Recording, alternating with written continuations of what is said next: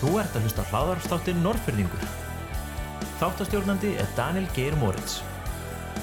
Norrfyrðingur er í bóði síldarvinnslunar. Síldarvinslan í yfir 60 ár. Já, góðan daginn, kæru hlustendur eða nóttina eða hvernig sem það er. Ég veit ekkert hvenna þið eruð að hlusta en það er allt í leip. Það er nýr þáttur á Norrfyrringi sem að heilsar. Daniel Geir Moritz heiti ég eins og venjulega og, og það er komið að nýjasta Norrfyrringnum í þessa þáttaröð. Það er þáttu fjögur og það er engin annar en Draupnir Rúnar Draupnisson. Það hefur verið pínu erfitt að, að mæla sér mót við hann draupni því að upptekið maður en draupni er velkomin í þáttinn. Takk er kellega fyrir, takk, og gaman að sjá þig við erum hérna stattir já, í íbúðinni þinni hérna á Vívilskötu Já, Hva, hvenar fluttir hvenar keftur þessa ég íbúð? keipti þessa íbúð fyrir 15 áru síðan 15 ára síðan. Hvorki meirin en minna, Já. mér finnst þess að séu nokkur á síðan en, Já, en já, og það þetta er mín fyrsta íbúð og hver veit nefn kannski svo eina bara já, sem ég mun búa í, nei ég segi svona. En fram að því þá hafði ég mun búið hérna rétt sjá í miðtúninu. Já, já. og gaman að segja frá því að við komum nokkur einmitt aðaustan frá Neskustad og byrjum að leiða hana saman komum við söður í skóla og leiðum hana í hátt í sjö ár já og það var svona halgjör kommuna, það var mikið partistand og fjör þar, mörg norrfjörðarpartíin þar Var, var mikið sama fólki sem að bjóða með þér? Eða, Já. eða var svona reytingur inn og út? Það, já, var smá inn og út en, en upphæflega voru þetta ég og Sigrún Þorstens, Þóri Péturs og Kalli og Miðbæ eins og við kallum hann já, já. og svo svona fóra aðeins fólk og kom og ég sjálfur að sjálfsögðu var alveg opaslega mikið ellendis á þessum tíma svo voru nokkur ár sem að ég svona átti tæknilega sér herbyggi en var kannski í Sáti Arabíu eða einhverstaðar Já, og þá kannski hoppa einhver annað inn í herbyggi sem vantaði herbyggi, einhver austan. Gott. svo þetta var alveg rosalega gaman. Góðir en, tímar. Já, heldur betur. En hér er ég búin að vera núna í 15 ár Mhm. og mér líður alveg ofbáslega vel hérna. Skiptir mig mestu mál í mínu lífi og mínu lífstíl er bara staðsetningin. Já, og hér get ég lappa neyri bæ og, og ég vinn hjá Æslandi er svo að ég er svona þrjárum myndur að keira fyrir þannig að mæta fyrir flug hérna neyru á allskristofu Æslandi er já, og svo eins og því ég var í kennar áskólan þá var það þrjárum myndur hinn áttina og það er sundlu hérna handa við hotnið og allt bara sem að þarf.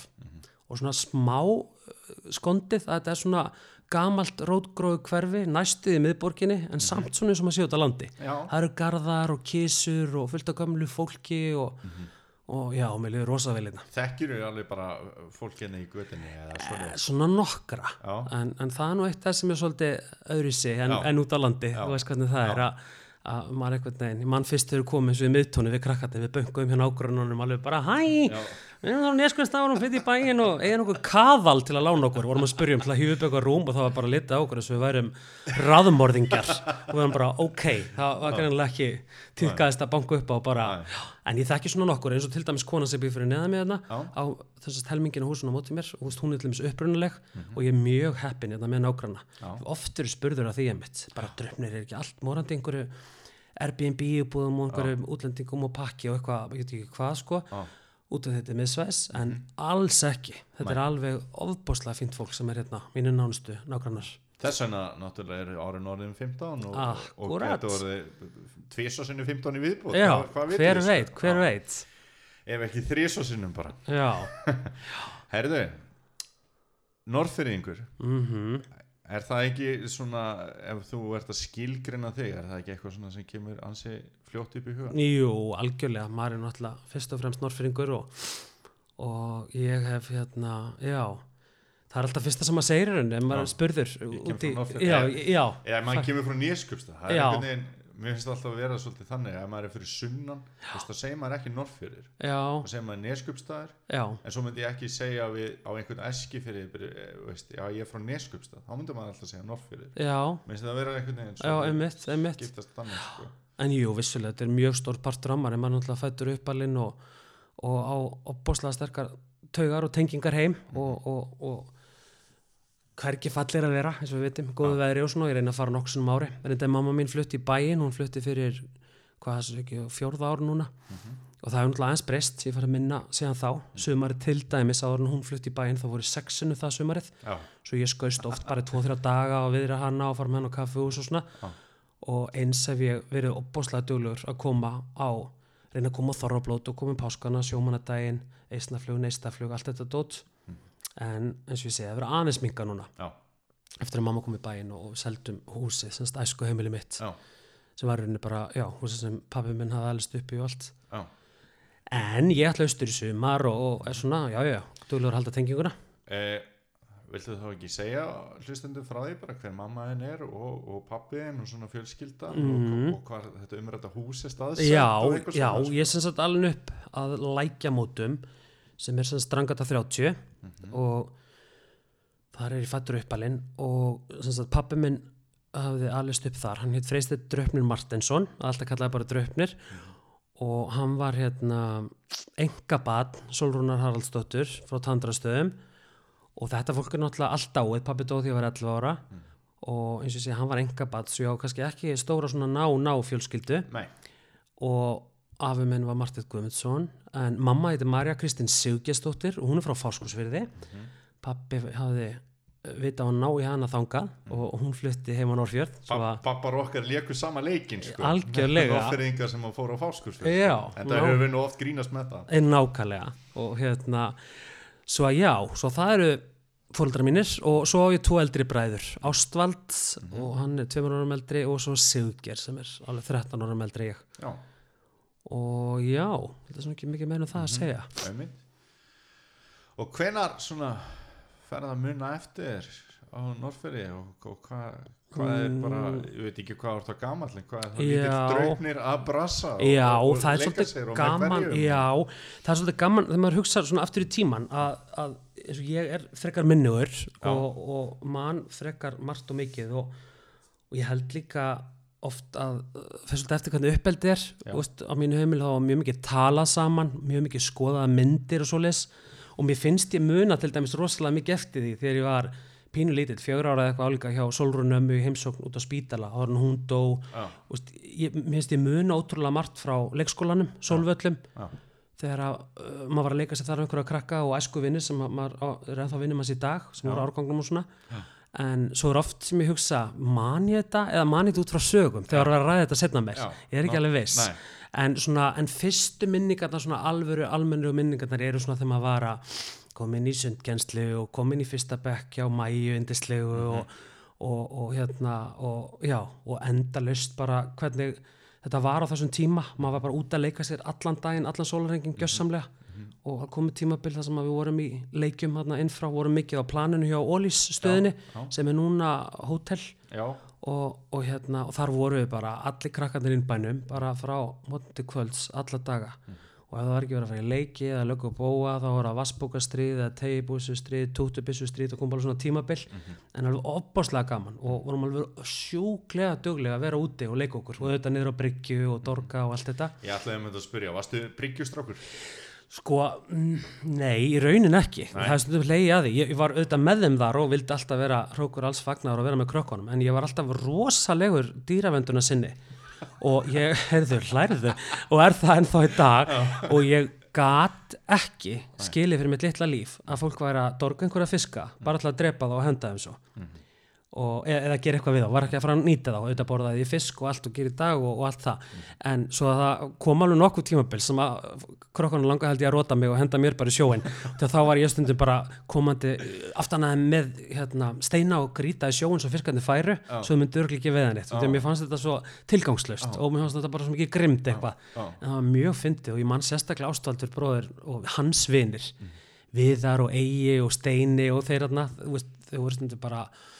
Ástaldur, viltu Já. segja bróðinum að fara eitthvað annað? En og það var svo margt annað skemmtilegt að gera en þetta var hrikalega gaman að hanga niður á bryggju og, og ég hef alltaf verið sjúkur í sjóin og allt svoleiðis, það var verið að byggja hérna, hvað heitir þetta, svona æ, litla fleka og allavega svoleiðis og, einmitt. og bara vaði sjónum og allt svoleiðis. Og alltaf verið alveg sjúkur í það og er það ennþá í dag. Ferðast óbúslega mikið og ég vil helst bara verið til sjó allan daginn ef ég get en ég var ekki mikið fyrir svona þessa típisku veiði. Þú hefur ekki átt um marga skoðanabræður væntarlega með þessa dýravönduna svona með Nei, ég var algjör leit þarna. Svo það er ekki eins og ég hafa verið herm eftir einhverju með eitthvað álíka. Þetta er svona eitt af mörgu í mínu lífi sem að ég hugsa átt bara, vá, hvaðan kom þetta? Já, já, en ég var bara, mér fannst þetta bara já, já, og og ég sé mig fyrir mér komand þarna, Já. Farað eitthvað í leini og komið svo, veist, brussa bara þarna alveg brussast niður með fullt fanga grjótum og dundri allar áttir svo að fiskarnir væri sér lengst í burtu. En já, en þetta eru svona já, fyrstu minningarnar innan af og svo náttúrulega veturnar það var bara dásamlegt, fórum í tindabrattan bara bara, já, ótrúlega hugsa til þessi dag enginn hafi stórslasað sig, fengum segldúk manna Víglundur pappi Döggu, vinkonu let okkur einhvern veginn að fá segldúk það má kannski ekki segja það, en, en fengum allan segldúk og rendum okkur bara algjörlega frá yrðateg og niður tindabrattan á brjáluðum hraða og enduðum bara líku á sko niður í sjó þarna hjá netagerðinni. Já, og já, það var bara eins og við lágum í dag, er ekki smá trafík nei, og þetta hefði oft geta stór slasa okkur en þetta var alveg geggjað sko. Já. svo það var rosalega gaman að alast þarna upp og, og á þessum tíma var það svolítið skipt eftir bænum, sérst við krakkarnir innbænum vorum opbúslega mikið saman já, og svo held ég krakkarnir miðbænum og svo út á bökkum. Maður var alltaf þekkti þau fyrir maður kom svona fymta bekk eða ofar. Einmitt. Og, og sérstaklega í manni sem að fóra að efa blag og svona þá meira, maður meira umgangast og leika við krakka úr öðrum bæjar hlutum og svo þetta er nú samt lítill bæjarfélag. En, en, en við vorum bara það mörg sem byggum hlið við hlið við hlið og það bara einhvern veginn axlaðist þannig krökkum og náttúrulega þráttur er að íbúðafjöldin hefur ekki verið eitthvað svakalega hár Mhm. þá er þetta náttúrulega rosalega langu bær Já, er það algjörlega og sér bara eins og í mínum árgangi, við vorum yfirleitt svona 34-36 í 1976 árgangnum og, og þar vorum við alveg já, svona hátt í tíu sem vorum svona í innri hlutanum Já. sem heldum rosalega hópin og svo þetta krakkar aðeins eldri og yngri og Já. Svo vorum óbúslega stóru skemmtilegur hópur alltaf saman, alveg indislegt hverjir eru svona þínir leikfélagar alveg þarna? Á þessu tímpil er þetta er þetta sem þessi, eins og þessi bekkjafélagi mínir eins og Rán, Mhm. Svangvit Alfreðs Dagga, Fann Ingibjörg Guðni Þórir, Þriðrik uh, þetta er svona og mín, svo náttúrulega Ragna, Fimboa Mhm.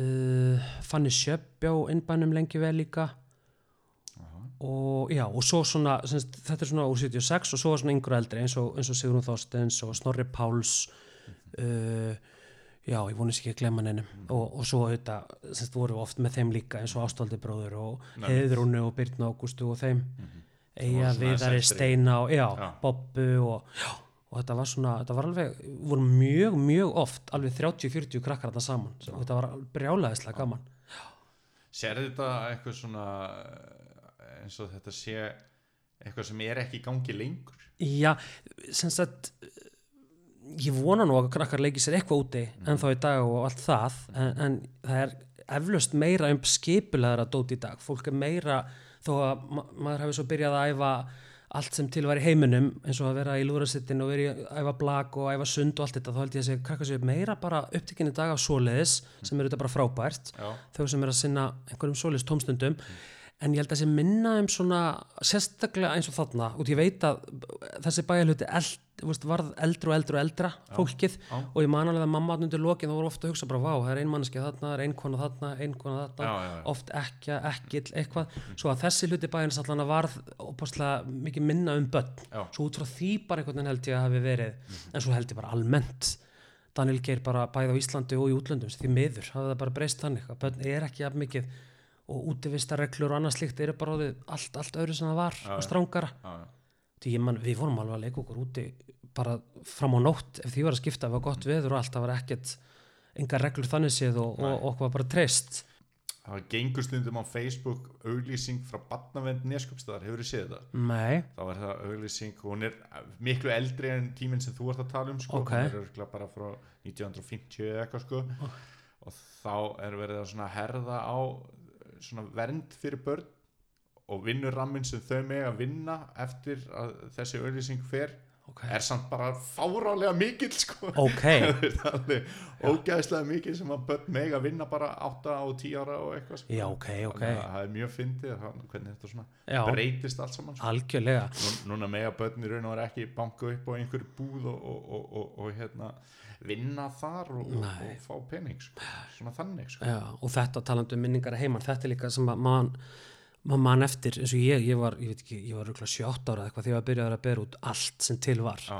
skjáin, dasgrána, hvað það hétt og selja Austurland og öll merki, haptrættismið, allt þetta dót ég elskaði það, lappi hús og selja og banku upp og þekkti náttúrulega alla allstar og ótrúlega gaman og svo var maður alveg, ég veit ekki hvort maður var sjö ára eða átt ára eitthvað fyrst að maður fekk að hjálpa til við að einmitt, þrýfa tunnur á síldavertíð og bera út jólapakka fyrir síldavensluna og annað slikt Já, já. og svo varum við að byrja að rauta vinni í sjoppinni, kottnungur og svona svo að, já og þetta allar þessar tómbúlur og allt þetta dót Já, já. svo var ég svona með söfnunar áráttu Varstu? Eða, já, nei, ég er það eða? ekki ennþá sem betur fer, þá náði ég nú einhvern veginn að hérna, ekki langt síðan samt að stoppa það eins, en, en ég var að safna öllu, ég var að safna spilum og limum og særjættum og liklakipum og bara nefndu það. Já. og þetta þótti mér voðalega gaman, ég var með alla í vasanum, allan í innbænum. Svo að einhver af þessum indisluðu nágrannum, mann Guðmundur Stalin eða, eða Ína eða veist, ein- einhver fór til Kína eða Japan eitthvað og kefti fólk handamanni spil og límið og alla annars og þetta var svo indislega skemmtilegt samfélag þekktust náttúrulega allir. Og, og eins og gerist veist, í litlum bæjarfélögum og vonandi er ennþá í dag svo að þetta var alveg frábær tími og indislegt að alast þarna upp. Og alveg óendarlega góða minningar. Já. Síðan óhjákvæmulega hefur þína skólagöngu hérna. Já, Getur þið sagt, þú myndist nú aðeins það kemur hann í fyrsta bektir mæju. Já, og ég var auðvitað bara í neðskóla og svo fór maður upp í kakfræðaskólan það var brjálæðislega skemmtilegt og, og, og, og bara skólaganga var bara frábær í alla staði, Já. mér er alltaf gengið alveg ópastlega vel í skóla. Og mér hefur alltaf þótt rosalega gaman í skóla. Já, meðan við erum oft talað um að hérna, strákar uh, finni sér minna í skólakerfinu. Já. og nú erum við nú báðir mentaðir skólakennarar og allt það svo við höfum oft velt þessum spurningum fram og okkar náum og svona. Mhm. skólakerfið átti einstaklega vel við mig og mér fannst bara brjálæðislega gaman og ég tók þátt í öllu og stóð mig alltaf vel í náminu og, og fannst gaman í öllu sem var svona félagstengt líka. Alltaf duglegur að taka þátt í öllum þessum leikritum og öllu þessu dóti sem var í bóði og svo var auðvitað svaka stökk að fara upp í gagfræðskólan og, og, og líf og fjör og meira djam og svo les og svo fór ég bara í kjölfarið í verkmyndaskólan heima og var svona næstuði búið með stúdandi þar eftir þrjú árin en tók síðast árið mennskólan með Já, og ástæðan fyrir því var nú aðalega svo að þátt að byrja nýbrautar, bæði einhver ferðarþjónustubraut og hönnunabraut. Já, svo ég hugsaði bara, ég ætla að klára stúdandi þar það litla sem ég átti eftir. Já, annars hefði getað klárað hann bara þreymur og hálfu. En klára það og taka þessa báðar þessar brautir. Já. það er maður að fara að hugsa þetta hvað maður vildi gera í framtíðinni þó að ég væri alltaf að hugsa um ferðarbransan Þannig að þú hefur verið með svolítið margar umfram einingar þegar þú útskrifast e, í eitthvað já, já, já. en svo kem ég upp á Ístæð og daginn sem ég flyttin á heimavistana þá er, er manni tilkynnt að, að þessar brautir tværarna hafi í rauninni verið stoppaðar hafi ekki Nú, verið, já, ókei. komist ekki alveg á legg en það var einhver fög samt tengt því kend og svona sem var mjög gaman. En það var líka bara mjög gott fyrir mig að koma eins og frá neskustað sem að þekkti alla og og algjörlega á, sko, bóla kafi öllu félagslífi og sjáum sjoppin og sjáum þetta og hitt og í nefndaráðu og bara kafi öllu og skólinn var oft, oft svolítið mikið afgangs hjá manni já, þó maður væri alveg að ná öllu og allt það. Já. það var svolítið gott að koma bara að fara í mennskólinu eðistum og vera bara einhver. Já, bara engin eila, en hann var mjög fyndið samt. Ég mann því að lappaði inn í heimaðistan það var strax kom og sátt bara, erstu dröfnir núna? Dröfnir svona frá neskustad uh, okkur var bent á að þú væri kandidat í mann ekki hvort það var nefndir eða hvað og, og eftir nokkra daga var ég orðin formaður heimaðistar og ég veit ekki hvað og hvað já. sem var bara kosin í og það ekkert um að segja. Já. þegar þetta þekkti maður slatta krökkum hann Já. ég átti þetta fullt af vinum eins og frá Seyðisfyrði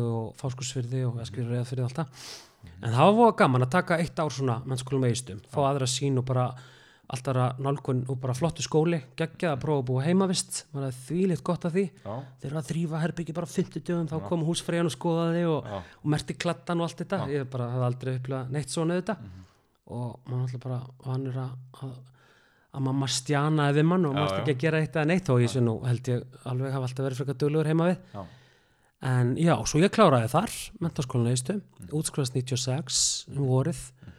og þó ég væri þar eitt vetur þá var ég auðvitað alltaf nýra á Norfyrir var komilega neyrir hver einstu helgi mikið að vinna og, og var auðvitað öll þessi ár þarna að vinna eins og ég sagði áðan, maður var alltaf duglegur að vinna. Ég var alltaf rosalega mikið að vinna bæði í sjoppunum, bensinstöðunum prófaði þetta að fara í síld og svo vann ég opbáslega mikið eigilsbúð ég segi ofta þessi bara hálf alin upp þar. Já, byrjaði 15 ára að vinna þar sem í rauninni í uppvaski og svoleiðis. Og svo var ég fljótlega komin í leiðu ég mátti að vinna í fatahengin og svo bara leiðu ég mátti og hafði aldur til að vinna á barnum þá fór ég það, já, tók svolítið þátt í eins og pizzastu sjö opnaði. Já, ég sá alveg um bíóið lengi vel sá um allt starfsfólk þar, pantin myndir og gera allt slíkt. Já, já, og var, já, held rosalega lengi sambandinu við Já. er svona tíu ár eftir ég flutti að þá kom ég mikið austur og var yfir þessum stóru veislum. Rockveislunum sem við þekkjum, fjárhásangefni, sjómannsselginni og þá keiftum við austur og ég sá semst um alla skipulagningu og var yfir þjóðn og svoleiðis. Já. Svo að alveg rosalega skemmtilegur og góðu tími sem ég á og minningar úr eilsbúð og góður vinskapur sem, sem myndaðist þar líka, mjög mikið góðum vinnum síðan ég var þar. Og það var líka bara þrjusu góð reynsla fyrir mig fyrir bara setna mér. Og tekja mig fullt af veislum og allavega dóti sem að ég bygg, byggju svolítið á þeirri reynslu þegar maður var þar að reyka upp þessum stóru skemmtunum með öðru góðu fólki auðvitað. En já ég ætla aðeins að fá að gripin í. Mm þegar þú ert um eitt að svona hefja þinn svona starfsferil og ert að fara þá í sjoppurnar og svona, veist, hva, í hvaða sjoppu ert að, að fara og hvert er svona fyrsta vinnan sem þú þarfst svona að mæta í, þú ert búin að minnast á svona að bera út. Og kannski ekki alveg, það þarf ekki að vera akkurat fyrsta vinnan, en bara svona þú ert að byrja Já. að mæta og standa þína plikt Já, staðar, sko. bara átti mitt vaktarplan þannig Já, séð, fyrir utan alltaf bæjavinnuna Já. maður fyrir út í bæjavinnuna nokkuð sömur Já, eins og aðrir og það var alveg brjálæðislega gaman elska að vinna úti, maður fattaði kannski ekki alveg þá hvað Nei. er mikil forréttind að geta vinna úti alveg sammála sko. Já, en fyrir utan það þá er það inn á Ólís hjá Áskeri Já. og byrjaði að vinna þar og vann þar heilt Já. og það var brjálæðislega gaman Mhm. og var þar á svona 2-3 vöktum Já. og það var grunnurinn laður held ég að framtíðinni með það að ég hugsaði bara vá hvað þetta var vel við mig Já. ég elska að vinna og elska að vinna langa daga því ég vinn og eiga svo góð frí á milli svo það er svona fyrsta vinna mín, það er Já. en svo prófaði ég margt annað, það var alveg uh, ansi mikið að tilbúðan sem er bauðst ég að vinna í sjoppum, ég vann fyrir stælu og ég var í Sjell líka, Já. vann eins og sé í Ólís, ég vann fyrir Magna Kristjáns Tröllanust Mhm. það var sem sagt eftir stúdenspróf þá ákvaði ég, bara ákvaði ég markvist, nú ætla ég að vinna í síld og réð mig í skemmuna í síld um haustið Mhm. og brjálaðislega gaman og indislegu tími en svo einhvern veginn þegar leiða og fór að hæjast í því þá einmitt, var að fara að bjóða manni vinn út um allt öllum sem stöðum sem maður unni og ég hoppaði þá á vaktir hjá Magna og var þar fram yfir áramót. Þá var ég búin að ákveða semst ég færi í skóla til Austuríkis að læra þýsku og Já, já. já, svo hérna já, þetta er svona svo ég vann eiginlega í öllum sjoppunum og allstaðar og, en, en hætt, ég hef aldrei hætt neins þar í vinnu, ég vil oft sagt það. Já. og eins og eins og Egilsbúð eins og ég segi það er ekkert langt sen að bara já síðast beðin hvort ég væri til að koma og taka hennar vakt eða eitthvað, eitthvað, eitthvað svona mikið var að gerast og svona.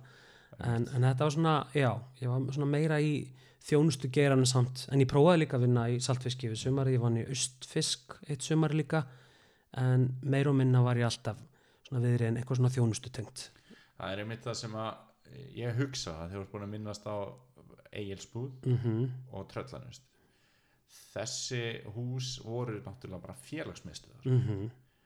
að hvort að það sé eitthvað svona minni þörf í dag á akkurat svona ég meina eh, maður náði svona skottið í, í stemningunni alveg í Tröllanust Mm eins og þegar uh, það var allt uh, rosalega mikið púl menning Mhm. og snóker og allt þetta og vídeospólur upp um alla veggi og, og, og spilakassar og alls konar leikir og hitt og þetta Mhm. og ég man að maður fór stundum bara til að fara þangað sko. og ég, ég gæt nú svona allavega oftast að haga mér ákveldlega þannig að maður var svona velkomin og, og, og, og hérna, það var bara tíðarandinn og svona alltaf eigilsbúð sem að þetta svona stóra, flotta, öfluga félagsheimili mm er þetta ekki eitthvað svona andi sem að þyrfti eiginlega svolítið að ná upp aftur? ójú, það væri dásalegt Já, en þetta hefur bara breyst svo held ég á öllum þessum fjörðum og stöðum bara sem kemur á út um allan. Það er bara er fækkað opaslega já, og, Og- og, og þetta er alls ekkert eitthvað lýsandi fyrir Norrfyrir, hérna menningarlífa Norrfyrir sem nú miklu betra en á mjög mörg Já, algjörlega. það, sko. já, já, algjörlega. Þannig ég er að meina bara svona hlutverk þessara húsa. Já, já, Þú manst nú bara vel eftir því þú ert að vinna þá hjá Magna hvernig stemningin var já, í Tröllanesi, algjörlega. Svo fer maður í Ólís í dag og það er veginn það er, veist, það er bara fólk að sækja glussa þess vegna Mhm. og, og annar að kaupa ís og svo er bara bara, farið út í bíl og farið já. en þetta var meira líka svo segir þetta var meira svona svo hálfgerða félagsmyndstöður já, og krakkar og úlingar þeir fóru út og var bara svona já, ég ætla að fara að þanga og þetta voru þau svolítið að hanga þarna pyrraði eflaust einhverja. Já, já, alls ekki mig Mhm. hvorki þegar ég var kannski sem kunni að vesla eða, eða, eða ég var að vinna þarna. Mér varst það bara gaman, en krakka bara hittust það var bara hitt við tröllanust og það voru kannski tugir krakka ólinga þarna og svo rölti liðið og var að mætast þarna á löngu gangstéttina hafnabröttinni og svo stoppaði á landsbankotröppunum farið í hinn á sjoppuna þetta var bara frábært og stór partur af menningunni og litaði bæjarfélagið rosalega, öllum veðrum og vindum og, og hvort, hvaða ástíð sem var og alltaf líf og fjör. Og þeir Svo- aðeins eldri voru á rúndinum og fylgjast með öllum sem voru að labba og- og svo einhvern veginn nokkurum árum setna einhvern veginn fyrir þetta að hverfa. Já, og svo líka bara eins og þú segir, gaman að þú sagðir þarna vídeospólur um alla veggi. Þessar vídeolegur sem voru út um allt að það hvarf rosa mikið með þeim. Já, ég man bara eins og ríkið hérna á Snorabraut Já. sem er núna Rótás já, mann fyrst ég flyttu sögum og var að fara þarna og ég hef nú aldrei verið mikið fyrir að horfa á sjónvarp eða vera kjörri yfir höfuð. En, en, en mér mann hvað var oft gaman að rölda þetta yfir og skoða að kíkja vídeospólun og þá voru oft bara tíu manns bara að skoða og myndast einhver svona einmitt stemming sem að er svolítið horfin með þessum einmitt. en maður síndi einhverjum hulstri. Ertu búin að sjá þessa? Já, einmitt. En svo er náttúrulega ótrúlega hérna uh, eigilsbúð eins og þú segir. Þetta er náttúrulega geggjastlega brjálaðislega, fallega, tegnalega hús. Já. Sjúklega flott félagsheimili hugsaður, öll og að félagsheimili fá rosalega andlisliftingu núna Já. nýlega sko að- æðislegt, já svo sjúklega góða minninga þann og ég vildi óska þess að væri hægt að hafa það hús opið alla daga ásins Já. blómstrandi rekstri og einmitt með eins og saði púlborð eða Já, eitthvað, já. eitthvað svona afþreyinga tengt en auðvitað kostar þetta allt pening maður þetta að halda þessu opnu og reka þetta og, og þarf það að vera innkoma og annað slíkt en en það er alltaf bara geggjað hús sem býður upp á endalusa möguleika Það og já, þaðan já, það þarf náttúrulega líka þá að vera þörfin fyrir það. Já, Þú veist, og hún er kannski bara ekkert. Mm, já, þú veist, kannski er bara einhver tíðarandi einhvern veginn mm, því að hús er bara hús. Já, já, þú veist hvað ég á Nákvæmlega. við. Já. En ok uh, hérna ég er svo að lesa þig með þetta og, og, hérna, við erum miklu skoðanabræður í þessu mm, en síðan hérna þegar þú ert búið með stúdentin og Já. ferð að vinna hérna hjá Magna og ætla Mhm. að verða síldarhetjan hérna Já, já, já, já, og allt síldar þetta. kongurinn, síldar kongurinn fekk nú ekki þann titil, en, en það var mjög gaman og góð reynsla. Þú ferð, ferð að læra þarna í tísku Já, fyrir til Austuríkis að læra þýsku og það var nú bara, ég var búin að ákveða það að, að ég vissi að öll þessu störf í ferðaþjónustu sem ég hafði áhuga á væru mikil samkeppnu störf svo ég var búin að hugsa bara ef ég ætla nú að fá vinnu einhverja þessu þá var ég byrjað að skoða svona flugið og fara á stjórn og, og allt þetta sem að ég hef svo farið í já, og þannig hugsaði ég bara, já, já, ef ég, ætla að vera samkeppnishæfari um að landa þessum störfum þá verð ég bara að vera aðeins betri í fjóraða tungumálinu Já. og ég hef aldrei verið svo sem rosalegu tungumálkall að halda allir í þessi algjör tungumála séni Mm. ég verið svo mikið að ferða flugi en ég er alveg ágættur í tungumálum en ég hugsaði bara, ég hef búin að vera í þýskuðu á Dotta og læra hana syngjandi og Mm. Kunna mallis söngin á þýsku, hægri, vinstri og allt þetta. Mæn hútt er hattra ekken og allt þetta. Akkurat. Og ég hugsaði bara á ég ætla að drífa mig til Austuríkis þó mér langaði persónulega meira í að læra spænsku eða eitthvað. En svo ég dreif mig í, í, í þýskunám til Austuríkis og, og vann þar líka um veturinn og náði mér þar í ágætst þýsku og kom heim svo semst um vorið og vann heima semst í, sem flokkstjóri í vinnuskólanum. Gerði það þrjú sömu líka og fósumst um haustis komst á inn í ferðamálaskóla flugle, flugleða svo þetta var smá svona kaplaskipti Já. eftir að hafa unnið alla tíð semst heima, já, búið með stúdendin og næði mér þarna í þetta og skelli svo inn því ég kemur frá Austuríki um vorið umsókn og fyrir viðtal hjá ferðaskóla fluglega sem var mjög á þeim tíma uh, vinsalt nám. Já, það var semst alþjóðlega ferðagráða og sóttu hvað, svona tíu sinni fleiri menn komust. Það voru svona tíu að berja svona hvert sæti. Já, og ég man ég var nýkomin heim og verið kallaði söður í viðtal. Ég var bara upp og sí ég veist, á þeim tíma maður var ekkert kannski að fara að fljúa söður í eitt viðtal en ég gerði það og komst inn og mjög ánæði með það. Og þá fluttum við um söður um haustið og legðum þetta húsatni miðtóni en það var mjög gaman. En þú, þú sagði þýsku námið og gaman að segja frá því að þetta mitt sem flokkstjóri í vinnuskólanum og það var svo gaman indislegir krakkar sem voru þar að þau eru miklu vinni minni mörg ennþá í dag og fyndið voru alltaf að reyna að fá mann eitthvað til að festast á kjaftatörn til að sleppa við að vinna. Og það voru nokkur sem voru komið með svona triksa þau voru komið með harfiska heimann eitthvað, ég var alltaf að vera harfisk sjúkur en svo mann ég var alltaf hérna, voru einhverju þeirra sem voru alltaf að byggja með að segja sér frá tísku skólanum sem ég hefði verið í Austuríki og ég var alltaf bara hvað, hvað rosalega áhuga ég var bara að læra þýsku veist, þá miskildu þau alltaf, ég held að það hefur í tísku skóla, ekki þýsku. Svo voru alltaf að segja okkur trefni hvað varst að gera sko, hvernig verkefni varst að gera? Ég bara málfræðiverkefni og svona verkefni og æfum með að tala og er bara hvað tengist það tísku? En já, svo það er svona gott tryggsjáðum að hérna, já, sleppa að vinna sko, já. En svo fluttum við söður semst um haustið, nokkur hérna saman eins og ég sagði og, fór þá í þetta ferðamálanám sem var heljarinnar pakki fyrsta skipti auðvitað sem ég fór í nám sem var algjörlega ennsku og, og svona alþjóðlegt og, og heljarinnar utan bókalærdumir ógeðslega gaman og áhugavert og fjölbreytt var bara um allt sem tengdist bara flugbransanum, fargjöldum, flugvöllum, landafræði, gjaldmiðlum og líka allt sem tengdist bílalögubílum og bílum, skiparsiklingum, bara öll í ferðabransanum. Maður hætti bara vera svona smá sérfræðingur í, í svona hálfgeð ferðafræðingur. ok Og ég kláraði það og var að vinna þetta með í Reykjavík, fór að vinna á veitikasta og vorum nokkur frá að austan sem unnum saman á Pizza 67, gerðum það Pizza 67 tryggvagut að hálfgerði Norrfjörðar nýlendu. Já, og mikið líf og fjör og vanlega líka á Astro sem var þá einn heitasti staðurinn í bænum. Já, og svo kláraði það nám semst voruð eftir og það var svo alþjóðlega ferðagráði og eftir það fer ég bara fullt í ferðabransan sem ég er eiginlega bara ennþá að gera. Einmitt ég fer að vinna hjá fluglegum í Keflavík það hétt þá flugleir og sem að var, var svona semst í farþegafgreislunni rampur, sérástofun, allt þetta dót tók svona ramppróf, mm. keiri upp á vélunum allt það. Og þá um haustið semst hendi ég líka um umsókn og byrja á Atlanta sem var eitt að skemmtilegasta sem ég gert á æfinni það eru 20 ári í haust sem ég byrjaði semst að fljúa sem flugþjótt og það var eitthvað sem ég hafði alltaf dreymt um. Og ég held ég hafi fyrst sendin umsókn því ég var 15 ára eða eitthvað og svo hefði alveg bara, heyrðu vinnur, býttu í nokkur ár þú ert að vera um 22 ára. Já, og þá hafði ég lesið eitthvað við tala einhverju dagblæð við eitthvað par sem var einmitt hjá Atlanta og voru að lýsa þegar þau voru búin að vera á öllum þessum löndum og, og ferðast þarnum og, og fá borga fyrir það. Ok. okay. lönd sem að maður hefði alltaf heyrt um á þeim tíma og veist Saudi Arabi og Íran og allt þetta dót.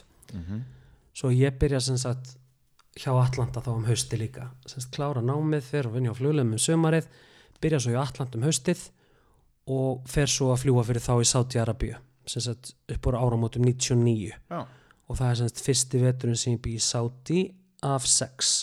Já, já. Og ég sagði nú alltaf eins og margir aðrir að þegar ég byrjaði eins og í Atlanta að ég ætlaði að prófa eitt svona pílagrimaflug fara eitt svona ævintýri Já. eins og ég hefði lesið viðtalið við þetta par. Já.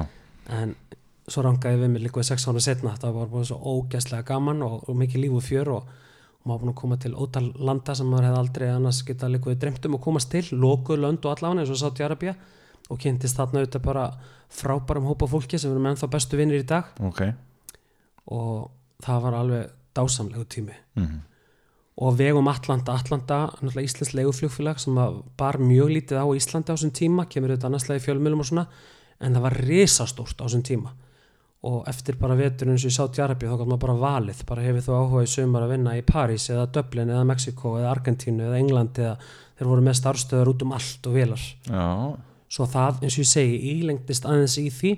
En hjælt samt opnu eins og ég kom aftur og vann þrjá mánuðis og fluglega um Keflæk vildi að bara koma, var auðvitað með herbyggi í miðtuninu, sem ég sagði á þann og svona svo ég var svolítið sniður að blanda þessu saman. Og var svona svo verktæki allstað, maður skrifa kannski til samning bara, nú ætla ég að vera í þrjá mánuði í París eða nú ætla ég að vera í þrjá mánuði í Sáti Arabi eða eitthvað, svo ég var svolítið sniður að blanda þessu. Einnig uh, á þessum tíma sækjum sem farastjóri það var eitthvað sem ég hafði alltaf eftir rosalega náhuga að fara í. Já, tengdi svolítið við hérna, já, bara það sem maður hefði verið að gera eins og í vinnuskólanum svona, að bera ábyrð á hópi og ég sá fyrir mér alltaf bara þetta er eitthvað sem mig langar að gera.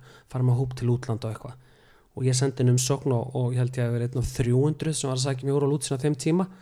Og þá voru þau akkurat að leita af strák svolítið gaman að því með mikla félagsmálareynslu til að fara út með útskriftahóp í útskriftaferð aha. Og þau vildu einhver hluta vegna að það væri strákur og með gríðarlega félagsmála. Og ég gæti auðvitað að tjálta því að ég fengið vellaun við útskrift eins og verkmyndaskólanum fyrir sagt, velunin störf félagsmálastörf. Og alltaf verið á kafi því svo ég landaði því starfi líka og, og byrjaði þá sem, sagt, sem farastjóri og það er orðin 18 ára síðan. Og hef ég verið svolítið sniður svona að blanda þessu saman síðan. Og hef farið með hópa alveg mörg þúsund manns til Greiklands, Tyrklands, Mexiko og Thailands og var undir með hóp núna bara í Mexiko um daginn. Mhm, mánamátti mæ, seft, mæ, júni var með 160 manna mentaskóla hóp frá kvennaskólanum. Ok. Það var mikið líf og fjör, Já. mikið að gera. Já, en indislegt já, og svo bara komið þessi ára þarna eftir sem ég var bara endalust á einhverju flakki. Já, það var bara Saudi Arabia og París og þess að ég segi, það var eitt haust í Englandi eitt haust í Argentínu eitt voru í Mexiko og svo hoppaði inn á milli eins og ég segi í, í farstjótt, stundum í nokkra viku stundum í mánuð, lengst var ég í sjömánuðin sinni í Greiklandi og á Krít svona algjör paradís og ég elsku út af lífinu. Og svo hoppaði bara á milli.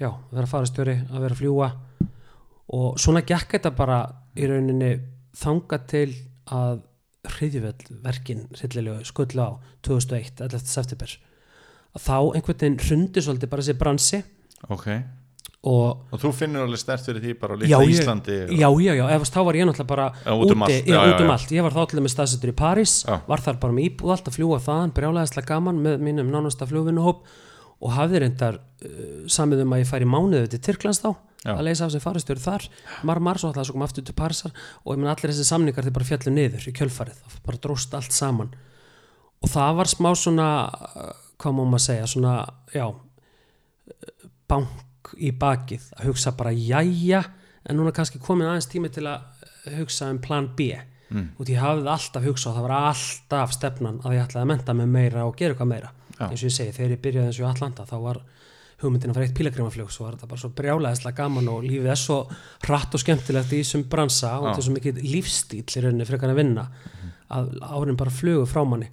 En ég var alltaf harða ákveðin í því og ég var alltaf verið mikill námsmaður og auðvelt með að læra og allt það. Svo þarna einhvern veginn fór ég að hugsa bara eins heim og ég hafði til dæmis aldrei hugsað ég hefði áhuga að vinna í fluginu á Íslandi. Finnst í dag, ég hef hugsað þá því ég, ég elska þetta starf og ég minni verið í því að mér verður sparkað út 67 ára gömlum eða fyrr og hérna, svo ég þarna hugsa bara að ég hendin umsókn þarna heima. Og þá var náttúrulega ekkert verið ráð heldur eins og Íslandi er og það var náttúrulega bara uppsagnir endalust út af eftir hérna, samdráttinu í fluginu. En flugfélag Íslands var að bæta við sig. Og ég ákvaða skellin umsókn þar að gamni og komst inn og fór á námskeið og, og fór aðeins að fljúa þar. Og var þar í tæp þrjú ár. Mhm. og á sama tíma fór ég auðvitað bara að horfa í kringum og aðtúa að fara til námsráðgjafa og hvað ætti best við mig. Ég hafði mikinn áhuga á einhverju sem tengdist mannlegum samskiptum eða ferðamálum eða, eða hérna, já, einhverju slíku. Mhm. og að lokum ákvaði að venja kennarháskólan Mhm. og ég hugsaði að mér finnist það svona einna besta námið bara í mannlegum samskiptum. Mhm. og svo þetta hef ég alltaf elskað að kenna og miðla og allt það. Já, þó ég væri kannski ekki beint að stefna því að fara í, í svona hefbundi kennarastarf akkurat þá. Já, svo ég sótt um í kennaraháskólanum og, og komst inn. Og, og var með þér og fleiri snillingum í árgangi. Það var og, náttúrulega mjög fyndið. Það voru fimm strákar frá Norfriði sem að hófa þarna ná já, var sama árinu, mjög sko. magnað. Já. og líka árgangurinn okkar sem útskrifist þannig 2008 vorum óvinni stór strákárgangur Já. yfir höfuð einmitt. Algjörir snillingar. Mhm. og gaman að því að ég var einmitt í bekk B-bekknum, vorum sérska 20 í bekk og ég man vorum að kynna okkur fyrsta daginn og fyrir öllum kennurum og svona og það var bara, ég heiti Draupnirúnar, ég er frá Neskustad svo kom, ég heiti Höskuldur, ég er frá Neskustad og ég heiti Þorlákur Ær, ég er frá Neskustad við fórum það þrýr náfrændunir og það var allir bara, hvaða nöfn eru þarna í þessum í þessum fyrði þarna, austur á landi? Einhvern smá sterk nöfn og, já. en það var brjálæðislega gaman og, og, og, og sé sko ekki eftir því og opaslega gott og skemmtilegt nám sem þú veist, kláraði að kenna ráskólan var alltaf að fljúa með reyndar. Og það var nóg að gera Það var líka rosalega mikið á þessum tíma um típur eins og þig. Það er að segja einhver sem að vildi ná sér í góða mentun sem var ekkit endilega að hugsa um kennslu. Ég held að þetta sé alveg eh, miklu undanhaldi í dag. ég held það líka en á þessum tíma var kennaráskólan ennþá svona sjúklega vinsæll Já. og, og Það voru til dæmis þegar við vorum, fengum yngöngu, það voru 38% umsækjanda í staðnám sem að komast inn. já, hugsa þess og ég, Sem ég, komast inn, sko. já, sem komist inn Þú finnur alltaf 38 í dag. Nei, sem emmitt og ég meni ég átti vinni sem að sótt um alveg með tip-top engunir og flottan starfsfélur og allt sem komist ekki eins og inn Já. svo að það var já, áhugavert en, en eins og ég segi, ég, ég hef kent smá og, og elska að kenna og vonandi eftir að kenna mér í framtíðinni og sé enga veginn eftir að fara í þessa mentun og finnst hún að nýst mér rosalega bara í lífinu Já. yfir höfuð. En, en maður stundu fengið þetta skot á sig og veist að maður hefur verið að taka sæti á þessum tíma Já, frá einhverjum öðrum sem hefði kannski farið og kent bara stanslust en, en, en það er bara þannig Ég var bara aldrei eins og pælt í því. Nei, ég hef alveg fengið það. Já. og sérstaklega eins og í fluginu að, eins og í Æsland er, við erum bara mentaðasti floti í heimi, Mm. það er engin annar flugfloti sem þú finnur, það sem eru 400 kennarar og 500 hjógrunarfræðingar og í hvað margir lögfræðingar og allt þetta. Að, að við, við fáum stundum að skota okkur. Yfirleitt er að rósa og bara vá hvað eru hérna, mentu og flott og allt það. Já, en auðvitað vitum við það að við getum ekki lifa án landsbítalans til dæmis. Nei, og það nei. er auðvitað alveg skelfilegt allt þetta fólk sem að flýr í burtu frá eins og, eins og, eins og sjúkrósunum og svona Mhm. en, en það er samt ekki þetta verið skýtkast út í einhvern sem ákvað að, læra hjúgrunafræði fóru gegnum það með stæl og komst inn og, og hefur svo bara gefist upp og, fundið sér betur í einhverju öðru starfi sem flugfræði eða hvað annað og betur komið fram við og kannski betri laun eða bara það sem er bara skiptum skoðin já, þú veist, sem þó sé ekki nema stærri, stærri ástæðan það. Já, nákvæmlega. Svo það kemur stundum svona þetta að, að ríki og, og, það sé að borga niður skólagjöld í háskólanum eða eitthvað bla bla bla, ég veit ekki. En allavega, já, þá kláraði ég allavega að kenna og það var alveg sjúklega gaman og eins og ég segi, en hef alltaf samt haldið eh, flugin einhvern veginn samt sem aðal, aðaldótinu. Og svo fór ég eftir að kenna og ég var alltaf ákveðin að prófa að kenna sjálfsögðu, mm kentu náttúrulega slatta með frá náminu, ég var að kenna þessi breðagerði skóla, Östubæðaskóla og hérna Hofstaðaskóla, allt frábært, mjög ólíkjur og skemmtilega skólar og svo réði ég með veturinn 2010 til Indlands sem sjálfbúðakennari það er svona eitt af þessum skemmtilegustu verkefnum sem ég tekið að mér. Og hvað var það langu tím?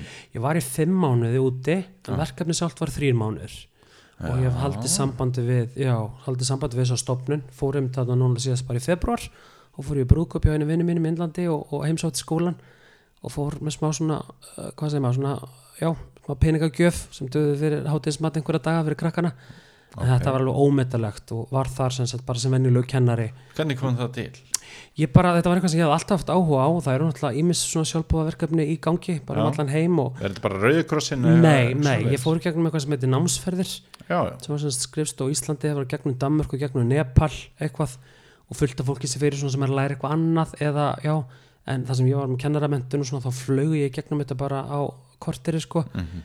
umsóknarferlið en það er mjög, mjög mikið af fólki sem kemur hérna einhverjum ríkum kynviskum krökkum eitthvað sem eru bara að sína sig og leika sér Já. gera ekkert gagn. En, en, en við vorum nokkur átt svona kennaramentuð. Ég ætlum eins og einn þýskona og við fann alveg að við vorum látin hafa ábyrð við vorum að gera eins og til dæmis að koma að prófum. Þá var þessum útlensku skiptinemum eða hvað maður kallar þetta þeim var eiginlega bara gefið frí voru eiginlega bara að beina að vera ekki fyrir. Meðan að við allan eins og ég og mann eins og einn þýsk sem var búin að kenna í mörg mörg ár og kenna við át um allan heim við vorum alveg taka þátt í því öllu pródótun og svona en ég var til dæmis út í að tala um fleiri ég var einn í mínum skóla til dæmis en þau voru bara í öðrum skólum en við heldum þetta saman hópin Já, krakkar og legðum herbyggja á sama stað og svona sem var umgengst mikið aðra erlenda krakka en ég var einn eins og ég segi minni stofnun og, og, og gekk sem sagt já, kennsli með ennsku kennara í 5. 7. 7. 8. bekk og með því að ég var þarna þá voru þau geta sint þeim aðeins meira en að vera að kenna alltaf bara 30 eða 40 eða sama efnið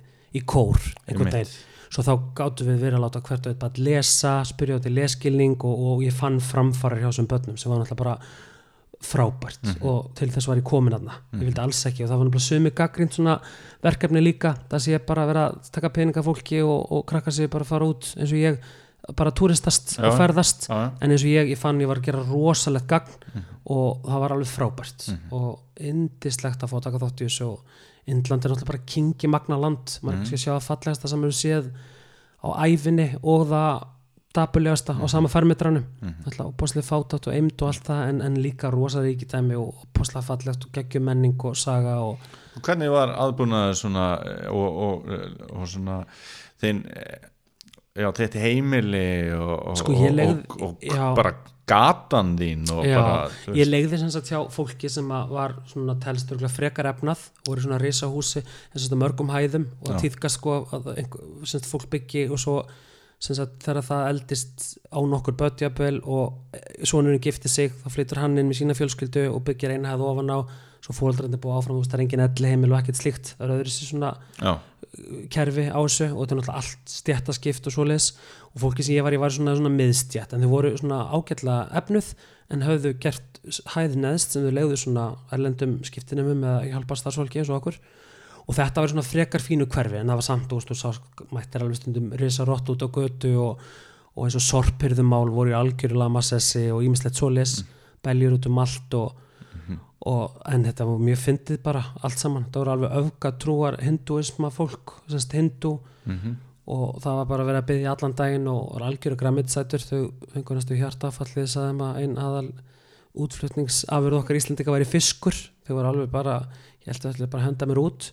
Já, Þau- já það voru rosa magnað, ég hef kynnt, kynst mikið af svona öfgatrúabröðum í, á þessum störfum mínum líka náttúrulega hjá Atlanta og búið sátt í Arabi og allt þetta og svo fyndi þetta er alltaf talað um múslimana. Og þess að ég ætla nokkuð, að fara út í trúarmálið en ég hef valið mér nokkra áfunga í, í náminu mínu, bæði biblíufræðum og trúarbræðafræðu og hef haft svolítið náhuga að kynna mér þetta. Og það er alveg magnað hvað eru miklar öfgar allstar Já, og, og tala nú ekki um eins og gýðingar og, og, og, eins og þarna, hinduismin já, þau voru ótrúleg, þau voru svo brjálæðislega, það fór bara allur dagurinn í það að byggja og halda upp á nú væri dánardagur sýstir langa langa með þeirra eða, eða þetta og þá máttu ekki borða neitt salt og fasta þessa viku út af því að það er 22 daga síðan að uh, veist, afi þessa þar næst úr sér dó og ég var stundum bara þetta var bara, maður þurfti bara heila símaskrá að, að nota niður á upplýsingum um alla þessa daga og þetta dótari og það var ótrúlega en, en auðvitað getur trúabröð verið falleg og allt það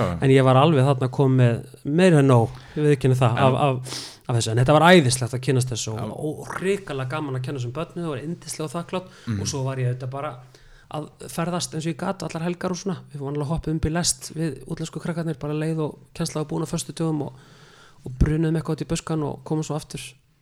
En varstu þá bara að borða bönir, rísgrón og gremmiti í fimm mánu?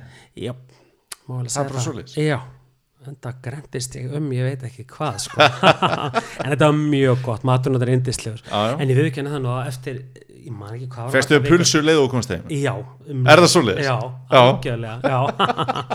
en, en ég ekki að við vorum sem sagt, við útlensku krakkarnir eftir einhverja vikur þá vorum við fann að hafa svona á lögati sem sagt, fórum við alltaf og fengum okkur eitthvað pitsu með kjóklingi eða, eða eitthvað kjött en á þessu svæði Rajasthan því fylki eða semst, já, mm. þannig í Norður Indlandi þá er bara rosalega mikið bara um græmitsfæði Mhm.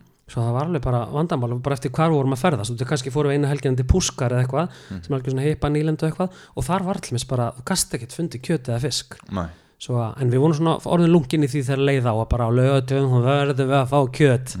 Því ég elska allan mat og auðvitað geggjað að fá svona græmitu og ávistu og allt þetta í þessum óteljandi útgáfum sem þeir gera og þau byrja að elda eldsnæma mótnan og öll þessi krydd og dót mér finnst þetta æðislegt, ég fikk aldrei magan og ekki neitt. Nei, nei. mér finnst allt gott. Ég er rosalega hérna, lítill gikkur í mati, ég get Já. alveg borðað allt. Já, en óneitt bara alin upp á fiski eins og Já, heim í já. neskvista, ég oft sagt veist, oft sagt í grínið að fiskur 20 sinni við viku heimið á mér, það er alltaf ekki smá margar máltíðir Mhm. per dag, en, en það var endalust fiskur og svona og, og maður kunni kannski ekki að meta það þá, en í dag alveg elskar maður það að fá fisk sem oftast og kjöt, ég bara, maður, er bara ég fann það þarna, ég, ég þarf alveg að fá mitt kjöt annars slæð, Mhm. en þetta var æðislu tími og, og svo var ég sagt þarna á þessum tíma þá var ég byrjaður í mastersnámi í bláð og fréttamennsku sem er svona samblanda fjölumilafræði og tengdist þinn á alþjóða samskipti já og meðan ég var út í Indlandi þá held ég sem sagt dagbók sem var svona uh, kallast held ég bara svona hálfgerða mannfræði glósur sem ég held í samráði við minn leiðbennenda og nýtti sagt í mína lokaritgerð í fjölumilafræðinni já, í sagt fjölmila afurðina sem var partur af lokaverkefninu.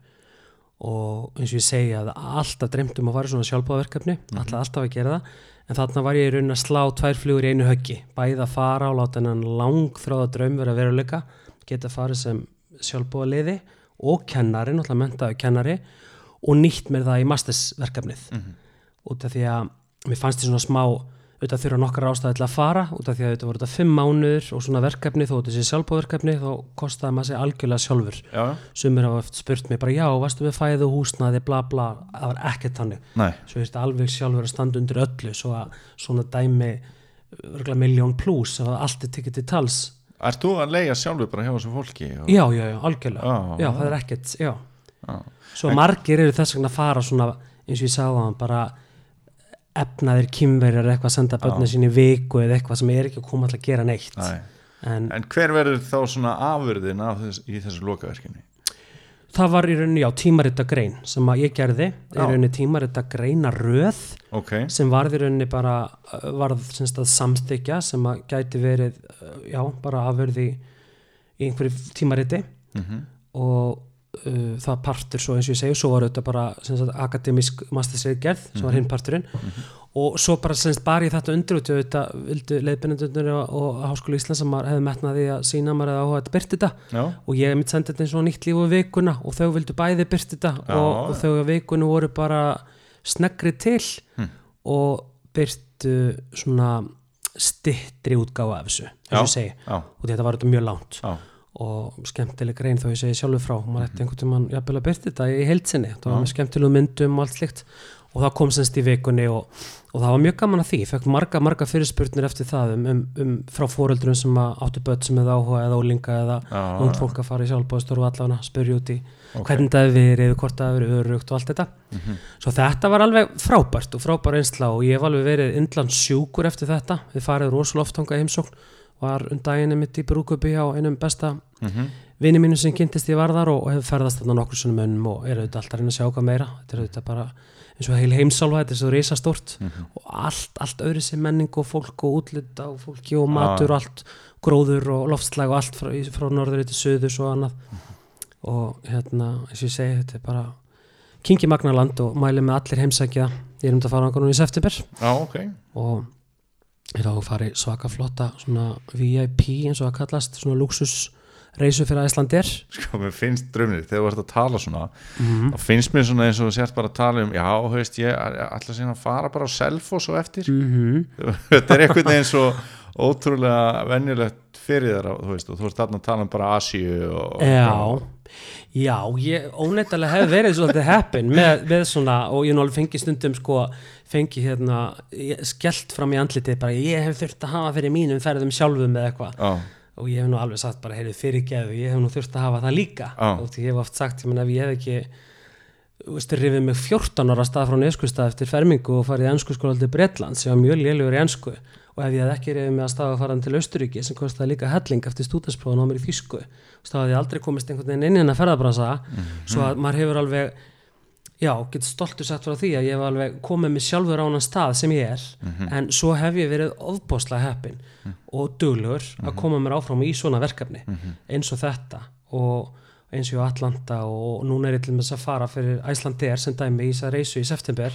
Þetta eru svona brjálæðislega flottar heimsreysur sem að e, já, loftliðir eða Æslandir eru að leia vel í leia sem sagt flugvél með kokkum og áhöfn og þetta eru bara ríkir útlendingar sem eru að fara í svona flottar ferðir þar sem eru læknar og kokkar og allt og eru bara að velja semst, leia semst, velina og starfsfólk frá Íslandi. Annars tengist þetta ekkert Íslandi já, og og ferðin sem ég fór í síðast og Æslandir hefur vanlega verið með það hefur verið alltaf amerískir ferðamenn og nú erum við fyrsta skipta að fara með Ástrali. Hm, hm, svo ég er að fara í september í svoleiðis ferð og náttúrulega alveg draumur í dós að vera valinn og hlakka mikið til. Ég var einmitt á svona vinnustofum eða vinnudögum út af því í síðustu viku, tvo daga. Þetta er náttúrulega alveg rosalega stórt og mikið verkefni og gríðarlega áræðandi að maður þarf að fara fram úr öllum, öllum mögulegum væntingum kúnans og ekkert fara úskeist, þetta er náttúrulega bara sjöstjörnu þjónusta. Mhm, og við erum að fara þá til dæmis á flugvél sem er vanlega með 183 farþega en eru bara með sæti fyrir 50 manns. Allt bara svona rafknúin hvítleðu sæti sem verða rúmum. Og svo eins og ég segi, tveir kokkar. Og það er allt nýtt í vilni það er sér salerni og, og inn á salernunum eru þetta feskblóm og handábyrður og ylvötn og, og við erum auðvitað, já, bara til þjónustur eða búin að gera um allt fyrir þetta fólk þetta er alveg fellega gaman, svo náttúrulega stoppum við út um allt og þá fyrir við bara í stoppið svo fólkið. Og ég er semst að fara í svona ferð núna í september um hérna Indland. Ef við byrjum í Tahiti í Kirrafinu fljúum þaðan til Sydney og svo þaðan til Indlands og förum millir sjö staði í Indlandi.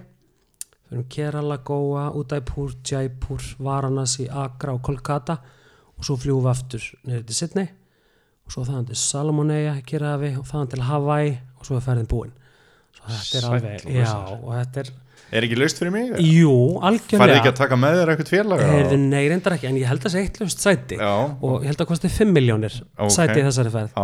Síðasta ferð gór kostaði 7,5 miljón svo drótirara, en hugsaði er peningin. Svo þetta er mjög sterk Já. efna fólk sem fer í þetta, indislegt, mjög hára meðalaldurinn en þetta er alveg fellega gaman og náttúrulega algjör forréttind að vera valinn. Mhm. það við veitum að Íslandi er um risa stór floti sem hvað átti 1500 í sumar flugfreyður og þjónar.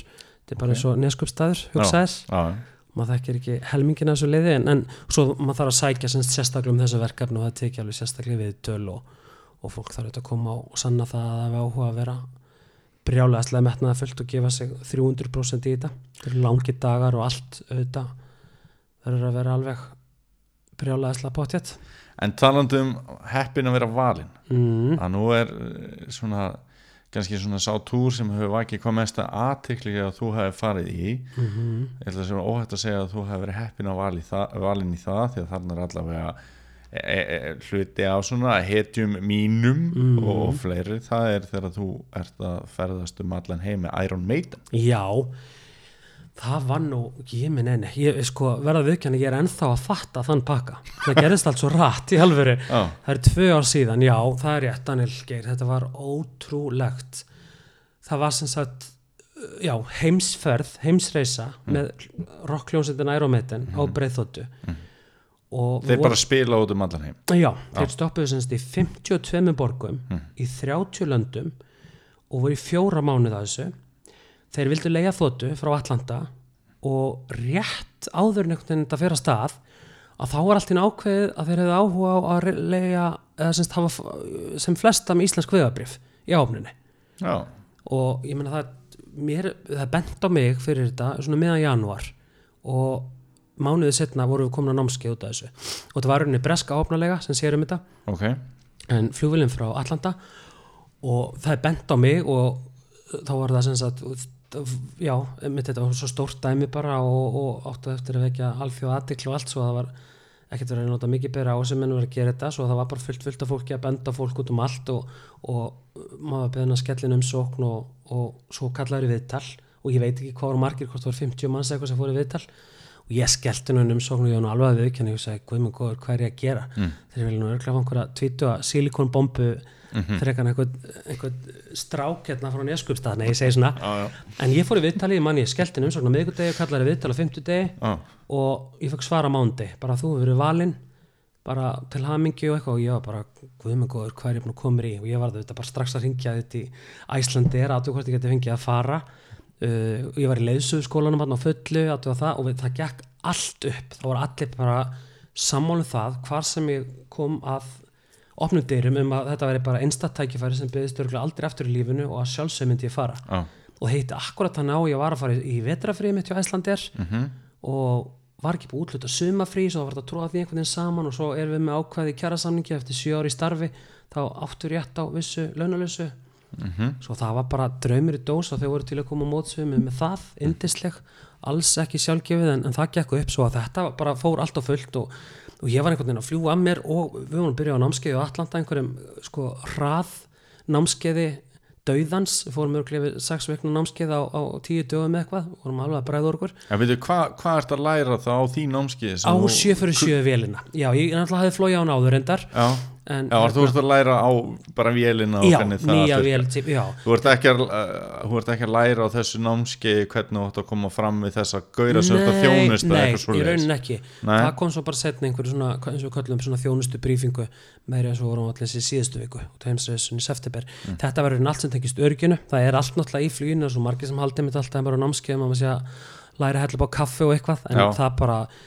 það kemur ekki inn á borða á námskeiðum Mhm. þessu námskeið eru algjörlega bara alþjóðlega reglugerðir Mm. um örgisatriði, skyndihjálp flugvend uh, brunavarnir og það er bara viss atrið sem við þurfum að gera á vissum fresti. Opna hurðir, neðraútganga, slökkva elda hjartanhóð þengja hjartanhóð tæki allt þetta þurfum að gera bara eftir vissum kunstarinnar reglum og standast próf til að vera fá bara eins og hálfgeitt bílpróf á þessa tegund. Einmitt. eða flugpróf. Og þó að ég hefði flóið áður á 747 þetta er svona tveggja hæða Boeing 747 stæðstu vélari heimi eða voru það taka 500 manns að þá var það löngur dottuðu gildi því ég hefði ekki flóið á henni svo lengi og svo er annað fólk þetta sem hafði aldrei flóið á henni.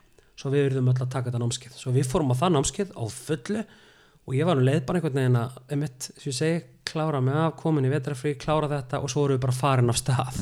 Það gerðist 1, 2 og 20 sko. Og þetta var náttúrulega bara alveg röggl gaman. Og vélum var alltaf máluð þarna í Dubai rosa lendi við því með Iron Maiden Ed skrýmslinu og ég er ekki svona aðdáðandi eins og þú. Ég held með þess að, að við höfum verið valin meðal annars út af því, maður spurður í viðtalinu hvað veistu um Iron Maiden og hvað er upp á slæði þetta og eitthvað. Og ég var sko ekkert að þykjast vera neitt meiri sérfræðingur en ég var eða er, ég Nei. þetta þekki það betur í dag og, og finnst þér frábærir, búin að fara þetta fullt af tónlingum með þeim, við fengum svona VIP passa. Og áttum að fara á alla tónlinga með þeim sem við vildum og vorum auðvitað með þeim mikið. Hvað fórstu marga tónleika? ég fór nú ekki á meir en fimm minni mig. Já, og mér fannst það bara fínt. Já, og það er líka, ég meina við vorum að stoppa kannski eins og El Salvador í 2-3 daga, Costa Rica 2-3 daga, þá langaði mig bara að vera túristast ég er náttúrulega alveg sjúkur Þú ert ekki með neitt þjónustu hlutverk nema í flýinu já, bara í fluginu. Já, og svo náttúrulega já, fyrir og eftir flugu þetta mm Mhm. út í þetta er náttúrulega bara svo enga þóta að svo þá er þetta heljarinnar bæði frágangur og að gera fyrirfram. En þetta var samt svo rosalega einfalt allt hjá þeim. Ég, það var einmitt eitt af því sem ég spurði í viðtalinu bara hversu mikið VIP eða hversu mikið luxus þjónusta verður þetta? Og þá var það einhvern veginn ekki almennilega vitað einsni í viðtalinu, ég hugsaði ok, ok, kemur ljós út af því að þessi samningar eins og Æslandi er sem er eins og fara núna í september að það er svona eins flott og það gerist veist, þú ferð aldrei til með þar út úr eldursi án þess að vera með bakka, með dúk og lifandi blómi á. Veist, það er allt sem að mögulega er einhvern veginn ekki kalt verður að vera ískalt, allt heitt verður að vera sjóðandi heitt, alltaf þryggjarétta alltaf valum þrjú hvítin og þrjú rauðvin alltaf kampavín, eins og segi lifandi blóm og þetta er alveg bara rosalega mikil þjónusta sem ég hef brjálæðislega gaman af en ég hef áhuga saman að vita hversu mikið þetta er ég á þeim og svo bara er maður valin eins og ég segi fyrir námskeiðið, förum til Dubai, náum í vélina og svo byrjuum við þetta, þá komumst við að því að þeir, Iron Maiden þetta er svona þetta er svona venjulegasta fólk sem ég á æfinni kynst Já. þeir og þeirra fjölskyldur og svo var sem sagt þeirra svona vinnuhópur. Það var 50 manns, kallaðist Killer Crew og það voru svona hljóðmenn og sviðsmenn og rafvirkjar, konar sem sá um búningana einn konar sem sá um matinn, það var svona fastur hópur. -hmm. og sá hópur er bara svo landslið þetta er svolítið svona eins og bara landslið í þessu. Já, og hérna, heimslandslið má alveg segja út af því að maður held að vera 100 miljón manns í, í þessum veginn en þetta var allt fólk þessum að vinna sér lengst í þessu sem hafa verið bara með Tina Turner, Madonna, Michael Jackson á sínum tíma, voru að klárað kannski túr með Britney Spears eða Lady Gaga eða eitthvað. Og þetta fólk svona á milli var þarna að vinna á þeim þennan tíma ótrúlegt fólk og það var svo vesenislaust, ég hef aldrei vitað annað þess á fjórum mánuðum Daniel Geir Mhm. gaf ég ekki eitt plástur einu sinni súrefni ekki einu sinni höfverkjatöflu eða neitt sem ég kannski að gera okkur um einasta degi í venjulegu áallinaflugi já, svo að auðvitað voru þetta langi dag og hellingsvinna og allt það en oft þá var þetta bara grín. Já, og við erum kannski með 50 manns í þessari vél sem tekur 500 manns Já. svo getur ímda hvað fóðu vel um alla. Já, og fólki kom bara að borða og það var bara æ, geði mig bara vatn og jú, kannski eitt geni tónik og hvort svo bara spjalla mm -hmm. það var bara indislegt fólk og voru svo almennlega, auðvitað passa maður að halda faglegri fjallag, það er gríðalega áriðandi öllu svona, já. En við, við var bara rosalega mikill vinskapur og það var ótrúlega gaman. Þannig að þú ert þá bara þarna í flugvélinu bara eitthvað að spjalla við Steve Harris og Bruce Dickinson og bara svo leiðis Já, algjörlega, þeir voru eins og ég segi mjög mikið með okkur Já. sérstaklega Brús, Brús er flugmaður og tók sagt réttindi á þessa vél Já. fyrir þennan túr og hann flög hvern einasta legg, fluglegg nema einn, það var frá Seattle til Los Angeles eða eitthvað. Þá var hann eftir út af einhverju flugsýningu. Var út, af flugsýningu? Já, út af flugsýningu, hann er rosalegur áhamaður flug, ég hef aldrei vita annað eins. Og það var svo indislegt að kynast honum, hann er svo brjálæðislega flottur og klár maður ótrúlega velgefin og venjulegur, það er ekki til neitt snopp eða neitt Nei. svolítið í honum. Þannig að þarna kynntist maður náttúrulega þessari ferð að þeir eru moldríkir, heimsfrægir. Við erum að vera með lífverðið bæði við og þeir og í Suður Ameríku og svona.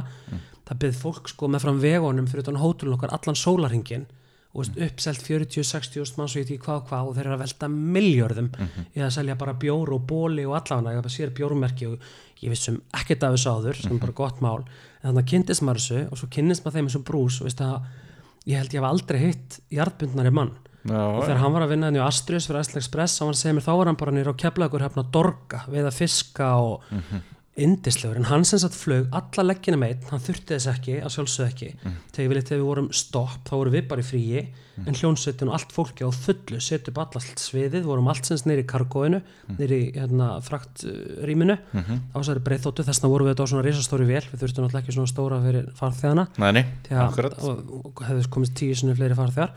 En svo vanlega lendu við kannski segja mér mitt bara, lendum bara í Sydney í Ástralíu og þá var bara byrjaði liðið bara strax setja upp sviði, setja upp ljósin, gera hljóðpröfur, svo kom hljónsettin gerð æfing, alltaf fundur, svo tónleikar jafnvel tónleikar aftur kvöldu eftir, svo byrjaði að rífa niður og byrjaði að hlaða vélina verið kannski að því alla nóttina svo kom við kannski um hátegi og bara af stað í næstu borg. Þannig að hann er bara hérna, öskra run to the hills Mhm. og svo bara nokkrum kæru farþegar, við erum bara að fara að leggja stað algjörlega. Og hann bauð fólki velkomið hvert, fyrir hvert einasta flug undislugur, flug hvert einasta legg. Og stundu voru náttúrulega að koma flugmenn kannski allavega frá Ísland átt vera þetta tvær viku og svo fengum við kannski ekki gera neitt. En þetta var mjög skondið og, og auðvitað skrifum undir þagnareiðum um, um allt með ferðina og allt það og rosalegir s- svona skilmálar með það allt saman. en það kom ekkert upp á sem að gæti eitthvað verið að slúðra um, fólk er oft spurt bara var allt fljótandi mellum og dópi og eitthvað? Og maður bara nei sem betur fyrir og þetta vissi það fyrirfram. Ég aldrei nokkuð tíma komið nála þessu. Nei. ef þetta hefði verið eitthvað vafasamt lið. Já, en þetta eru í alvöru brjálaðislega hilstiftur og flotti menn í dag, þeir eru allir bara sprengmentaðir, allir að gera eitthvað annað. Einhver búin að barnabækur. Hann tlumis brús á þetta flugræstara fyrirtæki hann í Cardiff í Wales. Og svo voru það með fólki sitt bara, ég held allir eigi bara sömu konur nefnir 20-30 ár, börnir voru með. Ég minn eins og hann á hvort hann á 5 börn, þrjú af þeim voru með okkur allan tíman Já. eru bara úlingar og, veist, svona hans, tveir og sinni hans voru í Raven Age þarna upplýtunum ljóstinni ok. Og þeir voru með okkur allan tíman og mjög góði vinnur okkar og hérna, já, þetta var bara ótrúlegt. En Bruce er alveg, og talandi um hvað hann er venjulegur að ég man eins og einu sinni voru við í hvar voru við, við vorum í Edmonton eða eitthvað um svona drefleðilegum stað þannig í Kanada. Kanada, já, og ég man ég hitta niður í lobby og, og, og hann bara eitthvað, hæ, hérna sestu með mér niður dröfnir, vil ekki fáið með mér eitt bjór eitthvað, og ég bara, jú, jú, eitthvað, og ég bara, heyrðu byrju, hva, hvert fórstu þetta flugið eitthvað blá, og þá sagði hann ég fór upp á herbyggi og ég var að strauja skirtunum mín og svo bara lagði ég mig. Úst, ég var bara, úst, hann með mannsku sér sínu búninga á sviðinu, samt voru alltaf bara svörtum galabóksum og bólið eitthvað, en þarna var hann sjálfur að strauja flugmannaskirtuna sína. Já, og ég meina, við vorum ekki á þessum túr að nenna einu svona strauja okkar. Nei. við letum strauja að þú ert nú að borga fyrir það. Já, annars skipti ég með tittjan þá var aukstar og ég bara, nei, fórst í klippingu? Því hann var alltaf með hára út um allt eitthvað. Og hann bara, já ég leiti í speilin gerkvöldi og sá hvað á loðinu og já, hvað bara klippa mig. Og ég bara, ha, já, klipptur þið sjálfur? Hann bara, já. Veist, ég meina þetta er ekkert allir sem að myndi veist, þetta er svona hann svo vel. Hann var svo rosalega einlægur og einstakur bara yndislegur. Og ég mani mitt eins og líka þegar við vorum í LA við stoppum þar í fimm daga. Vorum náttúrulega stoppuðum í þessum 52 borgum, 30 löndum í svona 2-3 upp í tvær vikur, 2-3 daga upp í tvær vikur. Svo getur ímyndaðir, það var þetta fyrsta sem ég gerði því ég fekk jáið, það var að googla túrin hvar var í stopp og hvernig. Og þar sá ég strax bara, ok, tvær vikur í Ástralíu, uh, veist, einhverju dagar í Costa Rica, einhverju dagar í El Salvador, uh, fimm dagar í Japan, þetta var svona lönd á mínum topp 5 lista heimsækja. Já, já. ég hef náttúrulega ferðast svo sjúklega mikið við komum til yfir hundra landa en auðvitað langaði mig að fá sem mest út úr þessu sjálfur. Já, já. og auðvitað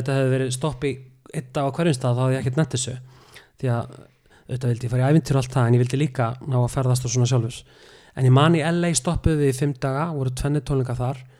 Og þá man ég mitt eitt sonur hans var allir að koma og hann leiði blæjubíl Bruce að fara að sækja hann. Og þeir eru mjög þekktir þarna. Og hann er mitt var alveg bara sett stjá mér í morgumat bara hvað ætlar að fara að gera? Og ég sagði að Berglind vinkunum fór í hérna, fótstyrtingu eitthvað og við ætlum að hittast nýra á Venice Beach og ég bara, hæ, ertu viss? Alveg, ma- maður svona, líka eins og ég segja að halda smá faglegri fjalla þó að hann væri orðin bara fjallaði manns og það allt. Og hann bara ekki málið, svo er ég bara hann að rúnda Úst, í Los Angeles með Bruce Dickinson á, á blæjubíl þetta er náttúrulega bara lígilegt sko, indislegt en, en þetta var algjört æfintýri og þetta er eitthvað svona sem að eh, maður er eiginlega búin að fá staðfyrst að mun aldrei gerast aftur. Já, og þetta er eitthvað sem maður aldrei spáði og þetta er alltaf heyrt þeirra U2 og Madonna og Beyoncé og þetta liðir á tónleikafæðalögum maður hefur séð þær á breyþóttum og eitthvað svona. En það er alltaf skils mér yfir hafið milli heimsálfa. Svo að þau eru kannski að fara þannig frá bandarækjunum til Evrópu en svo er alltaf ferðast um á trukkum og rútum með dóti en þetta er vist eina skiptið sagt sem að svona heimsfæra ljónsveit er með breyþóttu í fjóra mánuði.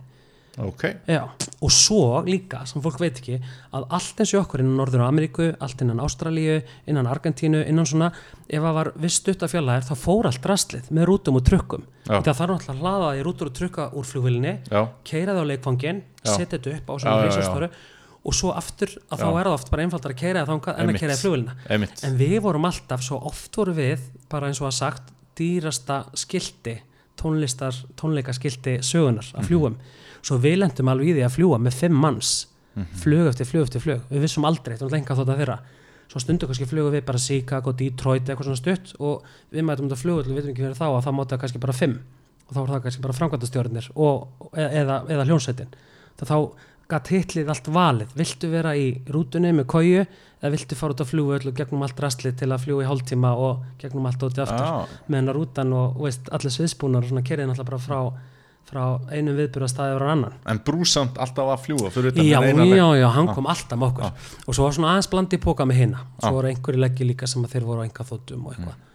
En Steve, þú þú spurði nú um hann hann er náttúrulega svona aðal gaurinn eða svona áheld ég eignar réttin á flestum lögunum og svona hann var svolítið svona hóvær en indislegur, þeir eru allir alveg svona pínu litlir og mjóir Mm. og ógeðslega fyndið bara alveg ótrúlega magnað hvað eru eitthvað skemmtilega og venjulegir þá brúst, ekki svona líka er hann já, pínu og mjór, já, alveg. Að því hann er með svo rosalega stóran Já, svona presens sko. mér finnst þessu 71.50 allir eða eitthvað, þeir eru kannski aðeins, það kannski aðeins íkja en eins og Steve, hann var allir alltaf með eh, mannmessis, svíja Mm. sænsku maður svona rosa raumur og hann er allir lífurinn hans og nuttarnas hann Já. var alltaf með honum. Já, en svo var þessi konan hans og þrjú börn og allt. En hann til dæmis, ég klimst talaði kannski ekkit við hann fyrir eftir ferðið var hálnuðið eitthvað. Nei. en þá kom hann alveg einhvern tímann og bara, æ, má ég taka mynd með þér? Og, og hérna, æ, þú veist vildu láta maður finna að þeir kynna að meta það að maður hefði farið frá öllu fyrir fjóra mánuði fyrir það og þeir báðum það. Mm við skiptum um flugmenn og flugvirkja og allavega lið en þeir báðu um að fá flugfreyr og flugþjóna sem var til að vera með þeim í fjóra mánuði. Já, og það er svolítið aðdáðanavert já, og þá hafa þeir náttúrulega áður farið túra sem hefur skiptu eitthvað og þeir vilja bæði, já, bara fá fólk sem þeir kynnast og hafa bara einhvern veginn, þannig samskipti. Og það var auðvitað bara alveg frábært. Og svo buðu þeir okkur, náttúrulega nokkur sinnum þeir og þeirra framkvæmda stjórn heldur nokkra svona viðbyrði mm -hmm. mann eins og í Tíli voru átt í tvær vikur þar voru þeir með svona mat og dinner og svona kvöld og partí, svona allt saman. Nýja Sjálandi, Suður Afríku og nokkur sem heldur svona hálgir ásáttíð En hugsar þú þá bara því að nú eru Guns N' Roses nýbúnir að vera hérna á Íslandi Mhm. og veist, fórst þú þá að hugsa eitthvað bara svona á ákvað hefur verið gaman að vera í flugvélinu með þeim og veist, er þetta eitthvað svoleiðis? Já, ég viðkenna alveg að maður hefur hugsað það og það hefur líka alveg komið til tals Mhm. uh, önnur svona verkefni. Einmitt heimsreisa með U2 eitthvað álíka. Ok. Og þetta vakt alveg heims aðtikli ég veit alveg að þetta kom slatta í fjölumölum hérna á Íslandi og ég fór alveg nokkuð viðtölu eitthvað. Já. bara eins og maður mátt á þeim tíma. Ég var líka færtugur akkurat í túrnum. Það var eitthvað viðtölu með rúf nei, hérna morgunblæðinu og rást tvö eitthvað svona. Mhm. en maður mátt kannski lítið segja á svona. En, en þú getur ekki ímyndar líka um einasta flugvelli sem við lendum á þá voru sko hundruður ef ekki þúsund bladamanna og alltaf ta- fylgjast með og það var auðvitað ætlunum þeirra með þessu að vekja heimsatikli þess vegna kostuður þetta þannig veist, þetta var rándýrt verkefni fyrir þá. Mm. þess vegna var líka margir sagt að verður aldrei aftur svona svakalega túri á nefni popstjórnu út því að, að hafa svona í fjóra mánuði kostar ekkert smá Nei. þegar þeir þurfa að kosta mér líka að vera með rútur og allt þetta dót eins og innan Evrópa svona. Akkurat. En, en það var fylst gömgefilega með okkur skilsmanni af U2 og fleiri svona stórum aðlum og það hefur alveg verið minnst á um hann. Hefðir áhuga að fara í svona túr aftur eða væri? Mhm.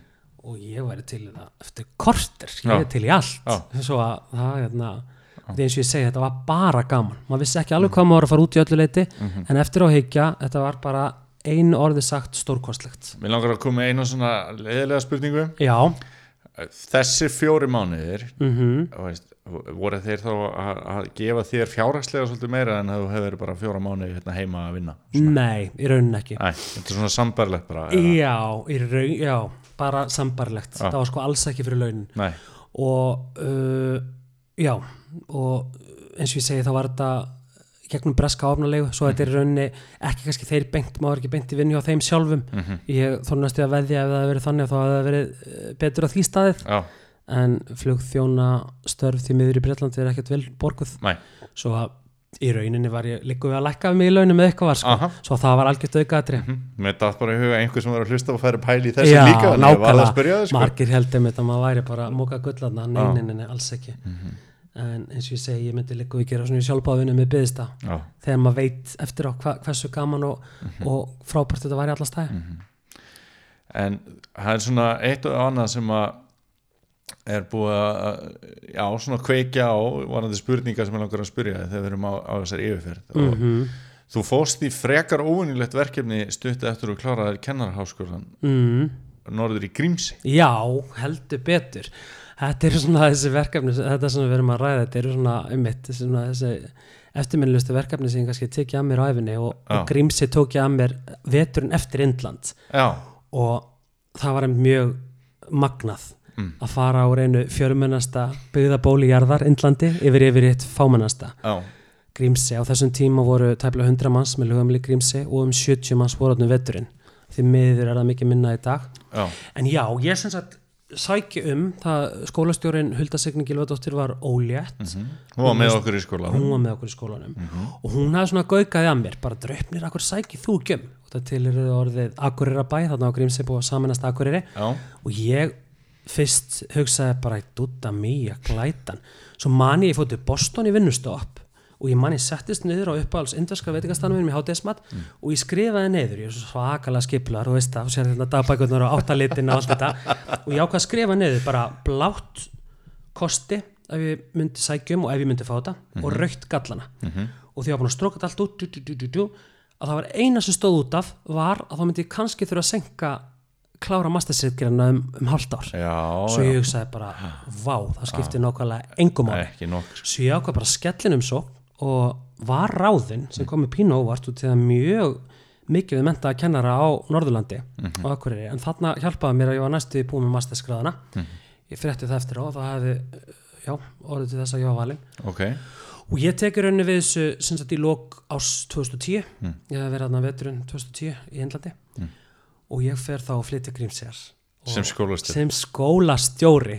Og ég veit að margir hérna bekkja bræðið mínir og kenna og þú og fleiri hlóuðu öruglega þessu. Því ég hef alltaf grínast með það ef ég fara að kenna þá ætla ég sko að vera skólastjóri eða kenna í útlöndum. Og þannig að vera nýbúin að kenna í útlöndum allt í norðin skólastjóri.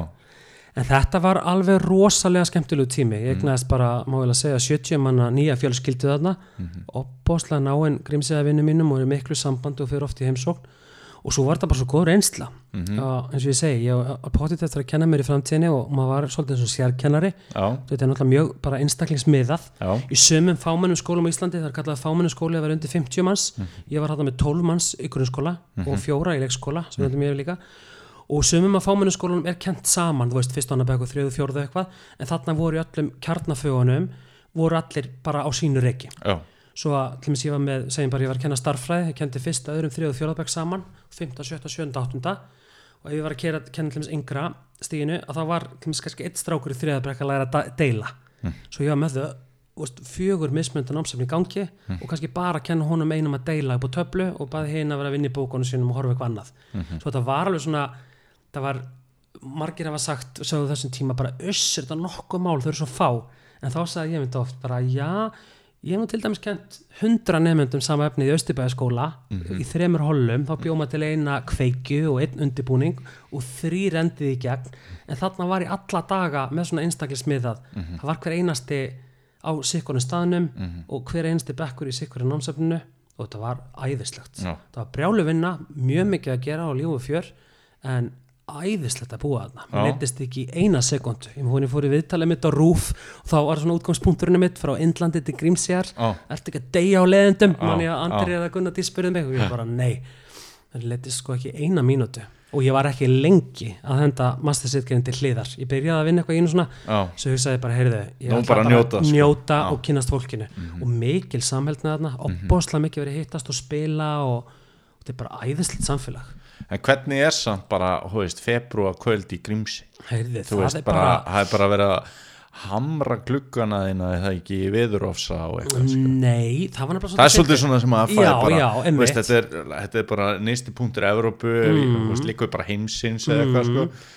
Það er nefnilega svolítið fyndið. Og þ- þennan vetur til dæmis, þennan vetur 2010-2011 að þá var rosalega snjóþungt á Akureyri og Sigrun og Snorri mitt vinnafólk mitt voru í námi þá á Akureyri og það var bara snjóri ljósastöru hægð þar. Og það var allir að spyrja mig bara, guð, er þetta ekki að kapna á snjó? Þá var valla snjókotn og jörðu út af reyndar vindi og fest ekkert snjó þarna. En það var svolítið kvast í viðkjönni þá á köflum og ég ætlaði allir að vera rosalega döglegur að, hérna, að labba hringin í kringum eigin á hverjum degi, ég ætlaði að koma í svaka form ég ætlaði að vera rosalega döglegur að byrja að elda og eitthvað bla. Og ég er ekki að grínast. Á þriða degi þá var að byrja að bjóða mér í þrjú matabóli eitthvað á kvöldi. Já. indislega og það var aðal stuðu hjá mömmu minni sem bjóð þá þetta í neskustad að heyra hvaða tegunda fiski eða fugli ég hefði borðað þann daginn. Já. og þetta var alltaf svona bara hérna, hvað segir maður bara það sem hefur veðist þann daginn alltaf allt spriklandi fest þarna þetta er algjör matakista. Mm -hmm. þess er þetta búið að vera byggða þarna séðan bara landnámsöld og endalaus fiski með þarna í kring og líka mikið af fugli. Og ég var svo, veist, ég man ekki eins og nöfni núna ég man bara að ég var að borða eitthvað sem ég aldrei heyrst um áður samt er ég alveg upp á fiski, alveg bara endalaust og það var svo gaman og þau voru svo sniðu og útbúið allt. Þetta var ekkert eitthvað bara mögsóðið í klessu og skellt að borða með kartöflum. Það var allt eitthvað bara svartfugl, teriyaki, doobie-doo með lakri sósu og þessu og rice krispies kartöflum og, og þetta var geggjað, alveg bara indislega Já. og svo eins og ég segi, mikið spilað og svo minnst á februar kvöld það var endalust eitthvað. Svo grímsengar eins og ég elskaði mikið þá er þetta svolítið óskipulagt lið. Ég er nefnilega alveg óbúslega skipulaður og það var rosa oft bara hringt í hátu á þriðuti eitthvað. Það var kannski var maður búin að plana eitthvað og það var bara hvernfélagið allar hafa fiskikvöld í kvöld mæturu og maður bara auðvitað já. Það mæta allir á allt. Og þá var það allmis skiptistur á hvernfélagið og kívanis að hafa svona fiskikvöld eða bingo eða eitthvað. Þá bara mæta allir sem eru í eini, gjössamlega allir og borga kannski 1500 kall eða eitthvað, svo fer þetta í ferðasjóð. Svo fer eigin kannski út í haust til Portugali tvær vikur á vegum Kívanis. Næsta ári kannski aðvendu ferð á vegum kvennfélagsins til eitthvað í Þískalandi Já, ótrúlega skemmtilegt, Já. þá bara fer öll eigin saman og þetta er svo sniðugt Já. Þetta er bara stór fjölskyld þetta er bara stór fjölskylda Já. og þeir eru að sinna eigin þjóðháttjadag, fiskidaginn og, og þetta er bara stór magnað samfélag hefur þú komið út í Grímsi? Nei, ég hef nefnilega ekki komið Nei, sko. dásamlega fallega staður Fór þetta hrísið sem bad sko Mhm. En á eftir að fara þarna Já, og svo er náttúrulega fatt að ég ætlum þess ekki því ég er með þangað talandi um svona smá óvissu verkefni eins og Iron Maiden og Indlandi og það allt að ég ætlum þess að ég með þangað og jújú, jú, er ráða með sem kennari og skólastjóri og vissi ég fengi húsnæði og allt það. Og svo bara þeir eru að láta minn stöðun og svo bara já svo bara þriða hvert þriði dag þá kemur læknir með flugvillinni og er í nokkra klukkutíma. Þá tekur þú einn út ungbarnavógina blóðþristimælin, nálu sprautuboksið og ég bara, ha, veist, ég var alltaf bara læknarittar líka. Og svo fattaði ég þá að ég var náttúrulega bara eini ópenbyrjum starfsmæðurinn í eiginni á vegum akkurat bara, svo að bæjasturinn kom eða einhver kom, þá var það bara ég sem var að sjá um, allir aðrir í eiginni voru bara sjómenn og konur þeirra og börn. Já. og auðvitað einhver sem síðan flugvöllin og síðan ferjuna og svona. En annars bara engin annar starfsmæður svo ef það þurfti að kalla eftir að láta að laga einhverja sturtu eða gera eitthvað eða allir landelgiskeslan hefði samband hefði vildi halda björgunræfingu það hefði einhver samband vildi hafa skotveginamskeið hörbalafkynningu, það var alltaf að fara í gegnum mig. Ógisla fyndi og þetta var náttúrulega magla þegar maður orðin bara, hérna bara já, læknir er komið til kortir, kortir bara skan og, veist, og hrúa öllum börnum í einu stóð og tvær stóð og bara gerði maður hérna kennslustofun að, að lækna rúmi eða lækna herbyggi Já. svo þetta var já, mjög fjölbreytt reynsla. Og það var bara allt í einu orðin ekki bara já, Það hafi ekki verið kortir í að vera í ljósmóði bara? Það ekki á þessum tímpúti sem betur fer þá, nei. en ég er nú alveg ágætt held ég þjálfun í því, Já. í gegnum flugið. Já. við erum svo, fyrir með svo brjálæðislega mikla skyndhjálp í því og þurfum meðal annars að geta kunnað svona undistu atriðan taka á móti barni, Já. en ég hef nú ekki lendið því en þá ég lendi ótal mörg og gefið súrefni ótal sinnum og, og, og lendi ansmörgu en ekki ennþá að fæðis bann næstum því. Er eitthvað svona sem að þú getur sagt okkur eitthvað sem þú hefur lent í? Eða er það allt sem að þú mátt helst ekki tala um? Já, í rauninni bara í, sem, sem betur fyrir nú flest af þessum flugum það venjulega og ánægilega það er ekkert kannski svona eitthvað til stórtíðinda. Nei, en ég hef alveg lent í nokkrum flugum sem að sitja í manni og maður hefur þurft aðeins að, að hugsa út í og vinna úr en hérna en ekkert svona eitthvað brjálæðislegt. Mm -hmm. lendi einu sinni að við þurftum að lenda afsakið afsakið, er nú svo hás, ég tala svo mikið en hérna, við þurftum einu sinni að lenda í Breitlandi út af því að kom reykurinn í flugvélina og það var svolítið ókveikjandi það var svolítið síðan og en það fór allt vel sem betur fyrir og, og öllum þessum aðtöku sem ég hef lendi ég hef bara komið ljós hvað við erum brjálæðislega vel þjálfið og já, svo ég verið raunin ekkert það að segja, en, en fyndi út eða skondi út og sagði ráðan með batnið þá lendi ég reyndar einu sinni að kom kona tíminn sem að sagði við mig að hún væri að hefði mist legvatnið. Og, og nýkomin á stað frá London og ég ringi strax í fljústundakleðunum við fáum samband við barnalækni og, og, og förum svona aðtúamáli og það var ákveðið að, að lenda strax í Glasgow. Og hún bara valla konu stað og það var bara lendjúb og hún frá borði og hún egnaðist, komst frá borði en egnaðist pínulítinn stráka sem að lifði sem var bara nokkra merkur, hún kom mjög stutt á leið. okay. svo að þarna og þarna var ég eitt sko inn í eldursun og hlaupun á í vassflösku eða eitthvað. Og í miðri þjónustu þegar hún kemur til mér hún níl samt löða stað níl löða stað með þjónustuna þegar hún kemur og segir bara guðum góður. Og, og hérna svo að það muna nú ekki miklu þar ég hefði tekið á móti litlu barna sem betur við náðu að lenda og allt það. Já. en annars eins og ég segi, þegar maður lent svona einu öðru og það er svona aðalega kannski einmitt svona eitthvað skyndi hjálpa mál mm. mjög algengt að fólk sé veikist í borðu flugi Mm. uh, fólk sem er uh, jafnvel búið að vera einhverju vinnutörnum og annars slíkt ekki borða nóg, ekki kvílst nóg og, og stundu kemur flug eftir flug sem bara líður yfir marga ég er nýkomin á einu flugillum sem að, að það var bara, það komið þrjú í röð hjá mér og akkurat einhvern ok. veginn svona, held ég að vera alltaf fallið dún og logn og allir að fara að sofa að, að ég var að kalla upp lækni og það var bara já, það var bara síðasta flug sem ég fór í reyndar núna fyrir frí mitt. Já, ok. Og, og svo getur tekið nokkra klukkutíma fór allt vel sem betur fyrir og alltaf Já. en þetta er vokamann, þetta er það sem ég elska við flugið, því að það er ekki það að auðvitað gaman að þjónusta fólk og láta fólki líða vel, það er náttúrulega grunnfórsendan að maður hafa áhuga að vera í svona starfi. Já, en þetta snýst náttúrulega allt um mannlega samskipti og allt það, en við erum auðvitað fyrst og fremst örgisverðir og svona, en ég segi það alltaf meðan þetta er eins og þetta er í dag að engin dagur er eins, maður veit aldrei hvað gerist í dag þú mætir, að þá elska ég að vera þarna í þessu. Ég myndi ekki nenni að þetta væri allt eins dag eftir dag nei, eftir dag, akkurat. Maður veit aldrei hvað hver dag er byrji.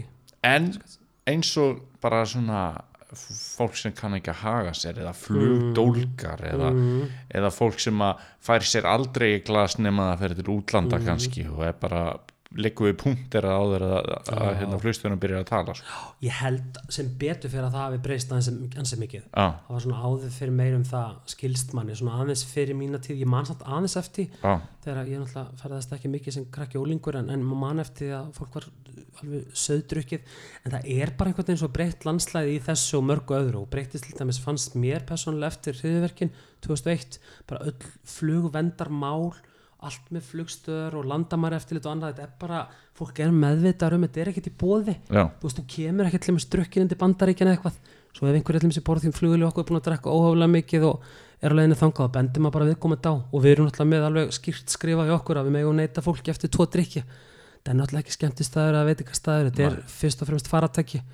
er og auðvitað frábært að geta búið upp á veitingar og, og, og fólk getur fengið sér Mm. eitt, tvo bjóra og annað slíkt en, en auðvitað um að lendi í öllum anskotanum en, en, en, hérna, en það er miklu, miklu minn um það en hefur Mhm. var hérna fyrir 30-40 án síðan. En, en sambandi við að yfirbuga flugdólka eins og það kallast að þá erum við með mjög góða þjálfun í því líka. Og það eru svona viss tök og allavega sem að svona, já, svona sjálfsvarnar bröð og ýmislegt sem við æfum á hverju ári. Já, svo að og erum með vissan útbúnaðan borð sem við getum notað nýtt okkur í svoleiðs hérna, málum. Ég nefnilega, þetta er aðeins svona eitthvað sem ég er nýbúin að gangi í gegnum sko því ég fór á eitt leik í Rúslandi ok, og þá var hérna og par sem satt við hliðin á mér og það var bara sturta í sig sko.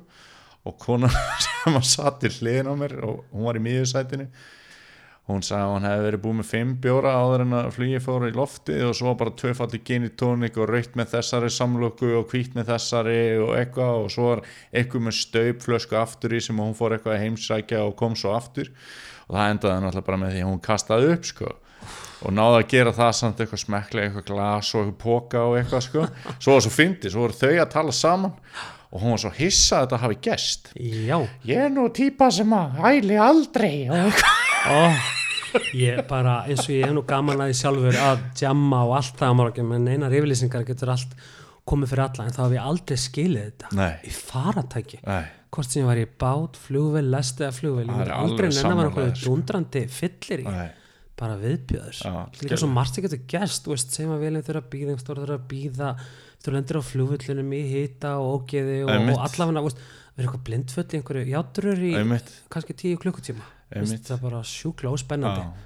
Ég fatta, ég fatta þetta ekki sko, en eins og ég segi, þá gerist nú ýmislegt en, en og eins með það, auðvitað einstakar tilfella sem fólk er að reyna að stelast að reikin og klóst og yfirleiti það hefur verið ölva fólk og svona, en þetta er bara fólk sem að er á einhverjum raungumstæði í lífinu og, já, og við erum bara með mjög góða þjálfun í að takast á öll svona mál. Það er alveg til fyrirmyndar þjálfunin í þessu. Ég held að óska þess að hver einasti dyravörður eða ég veit ekki hvað maður á að segja í landinu væri með alla þessa þjálfun sem við fáum og það er alveg opbáslega stramt allt við þurfum að gera eins og ég segja að blása og nóða í dúkur og hjartastuðtæki og slökkva elda og, og allt þetta tótari þetta er bara alveg til fyrirmyndar.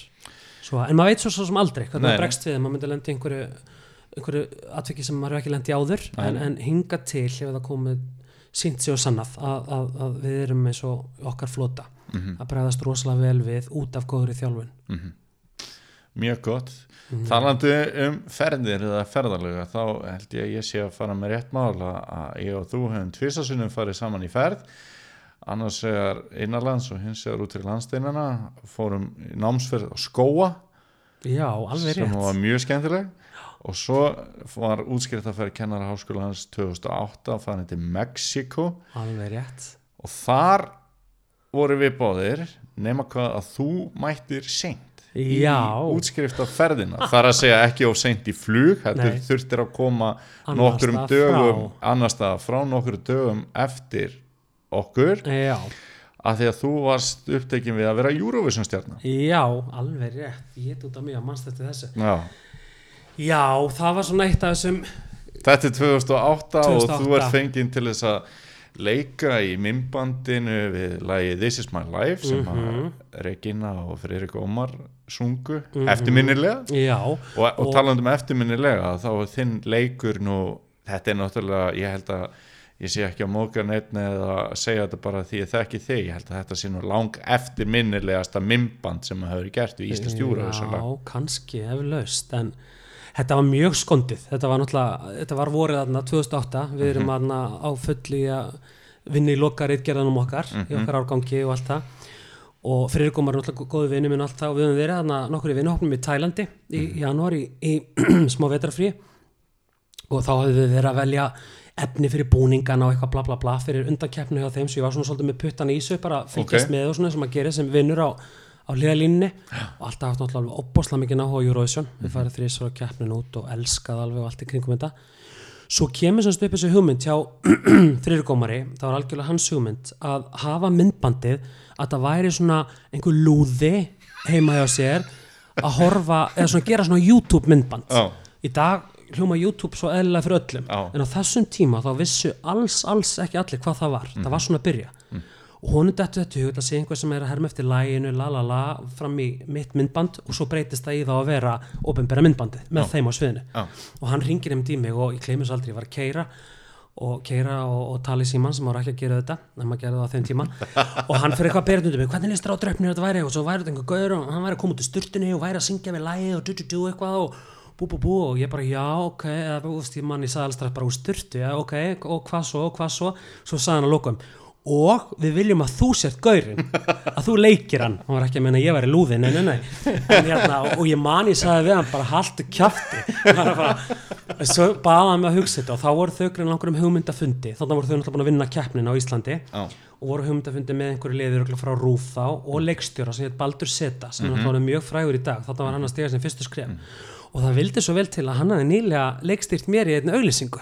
Já. ég hef alltaf verið eh, sagt, aðeins í leiklist leikað mitt í leikfélaginu heima á Norrfyrði og leik mikið í skólanum eins og ég sagði á þann og, og leik tvisasunum aðalhutverkið hjá leikfélaginu Norrfjörðar á mennskólarunum og aðeins svona vera að leiki í auglýsingum og svona dóti og hann hafði nýlega leikstýrt mér svo að þeir voru að tala um þetta og þegar að Freyr kom að minnast á nafnum mitt þá var hann bara, heyrðu, já, sást ráku getur leikið, ég er sko til í það og eitthvað svo ég hugsa bara aðeins málið og, og heyri svo aðeins betur í þeim og ég dæmis aldrei verið til það að vera koma eitthvað á styrtu og eitthvað sles en svo hugsaði ég bara eins og oft áður eins og með þig núna og margt sem eru búðist í lífinu. Maður verður nú stundum að segja já við hlutunum annars þannig er fólk ekki að bjóða manni eitthvað svona skemmtilega rugglu verkefni. Svo ég hugsa já ég ger þetta og manni hugsaði til myndbandsins með Selmu Björs það sem að Valur var einhver svona strákur sem ég veit hver er eitthvað til hliðar og ég hugsaði að það var aldrei minnst á hver hann væri og hann var bara hann í skugganum að henni og eitthvað bla. Ég held þetta er eins. Já. Að ég er bara svona smá smá eitthvað Já. svo var bara að tekið upp myndbandu eitthvað og þetta vakti, já, eins og þú segir gríðal aðtekli Já. ég steinhjalt kæfti fyrir þessu, ég sagði engum þetta ekki eins og mömmu sem ég segi allt Mhm. og svo var þetta bara ofinberað í, í kastljósi eða eitthvað var ekki hérna, nei já, það var opið, Nova var aðalstyrtaraðarinn svo það var opinberað eitthvað í hádeginu og hvort kom svo í kastljósum kvöldin Mm. og ég man ég var á námskeið hjá Æslandir sem oftar, einhverju árlegu upprýðun námskeið og kafi í lokaritgerðinni í Kenno og það var allt að gerast þarna. Og ég man að það voru bara 17 mist kól frá rúf bara eftir að það var opinberaðan í hádeginu. Og ég var bara, guðminn góður, hvað er í gangi? Þá vildi ég fá mér sko í viðtal í fréttonum og það kom hérna kom, kom sem aðal fréttunum kvöldið. Og ég ætlaði allir ekki að vilja fara í það viðtal. Haldi allir um að sé svo brjálæðast latekli sjúkur en ég var alveg bara, guðminn góður, hvað er ég komin í en þá heyrði ég náttúrulega í bara sem sagt, uppsaka fulltrúi Nova talaði við mig og auðvitað þau og ég hugsaði bara, auðvitað verði bara að vera allur með í þessu Já. eða ekki. Svo ég, já, svo ég bara fór í það viðtal þá kom alltaf um kvöldið bara svaka viðtal og svo var þetta ofinberað og svo bara fór þetta vægast sagt eins og eldrum sinn. Þetta fór á Paris Hilton síðuna í- Hollywood sem var þá mjög vinsal svona bloggsíða hjá einhverjum tísku bloggara þar þar voru sko 300.000 mannsát á nokkrum klukkutímum. Það fór á MTV í Asíu og ég man ég satt nýr kennaráskóla að gera lokaritgerina og ég man að var bara að ringja morgunblæði, dagblæði og einmitt að segja þetta allt sem ég hafði ekki hugmyndum. Eins og það væri komið inn á Paris Hilton og, og var haft samband við mig að þetta væri komið MTV og ég var alveg maður vikunar í DFF eða eitthvað og fréttablaðinu og þetta varð þetta varð svo marg, margfalt meir en ég bjóst við. En bara gaman og jákvætt Já. og auðvitað það er ennþá þannig að fólk er að koma stundum upp með djaminu, bara mamma mynda er kallinni þarna strákurinn og Júruvísa myndbandinu og eitthvað.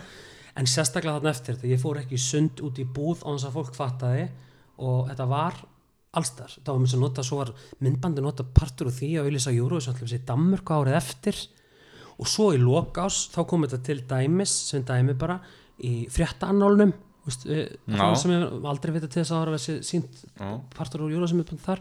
Og þar var þetta valið á einhverjum svona Eurovision síðum út í heimi uh, uh, ég veit ekki hvort maður segja flottasta, allan svona fekk þetta velun sem besta eða sniðuasta nittnasta mm. Eurovision myndbandi það árið. Getur ekki sagt bara skemmtilegast Jú, örgla og þá er það eins og ég byrjaði að segja áðan þarna voru þau bara að hitta naglan gjössal á höfuði það, með þetta með þetta YouTube nálgun. Ég veist sem að fullt af fólki að horta á þetta og hugsa bara guðminn góð, hvað ruggli þetta? Akkur er ekki bláa lónu og gullfoss eða eitthvað típist sko en svo fattar fólk þetta eftir á. Og ég lendi mörgum árum eftir í því að fólk var að segja bara þetta var mjög sniðið til að þeirra skemmtilegt til að vera sendið inn. Heldur að ég hefði verið að gera myndband heima á mér og sendið inn og svo hefði það verið klift saman við hitt og ég bara óguð alveg bara, en auðvitað var ég bara að leika en hann gussa og, og svo bara vafði þetta upp á sig og mér bauðst fullt af allavega verkefnum í kringum þetta.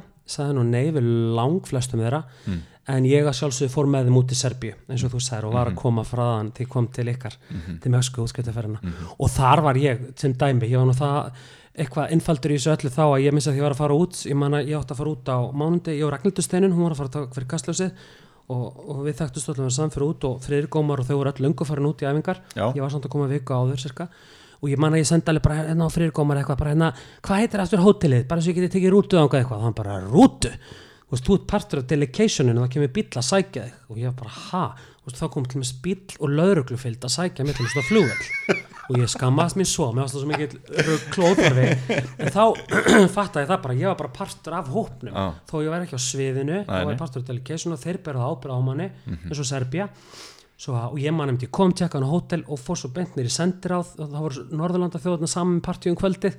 Og ég kom þangað held ég, ég væri bara frá djama og svona og það var bara það var bara fyrir komar, já, þú kynir þess lægið á svið uh, bara eftir korter og du, du, du, du, du, og bara með kústinn og ég bara ok, og þannig fatt að ég var náttúrulega bara í hlutverki allan tíman Já. þannig ekki hlutverki, ég var ekki eins og Silvíja Nótt eitthvað, eitthvað ég var bara ennilega klættur og svona, en var þarna eins og að kynna. Og svo var bara að byrja, bara getur þú komið viðtal klukkan eitt á morgun, getur þú komið viðtal klukkan 2, 3, 5 eitthvað? Og ég fór bara að liggu við í jafnmörg viðtöl og þau, það myndbandi var búið vekja það með klartikli Já, og manna vorum að lappa með einhvern garð og svona þarna. Og þá var fólk að taka upp eftirlíkingu af myndbandin okkar, einhver frá kannski bara Fraklandi eitthvað. Og ég var bara guð með góður svo þetta var alveg ógeðslega gaman. Beti, og- það voru nú líka mjög sérstaklega viðtökur það ekki þegar þú komst á hótelið? Var ekki eitthvað sem beðin upp á herbergi og var ekki eitthvað svoleiðis?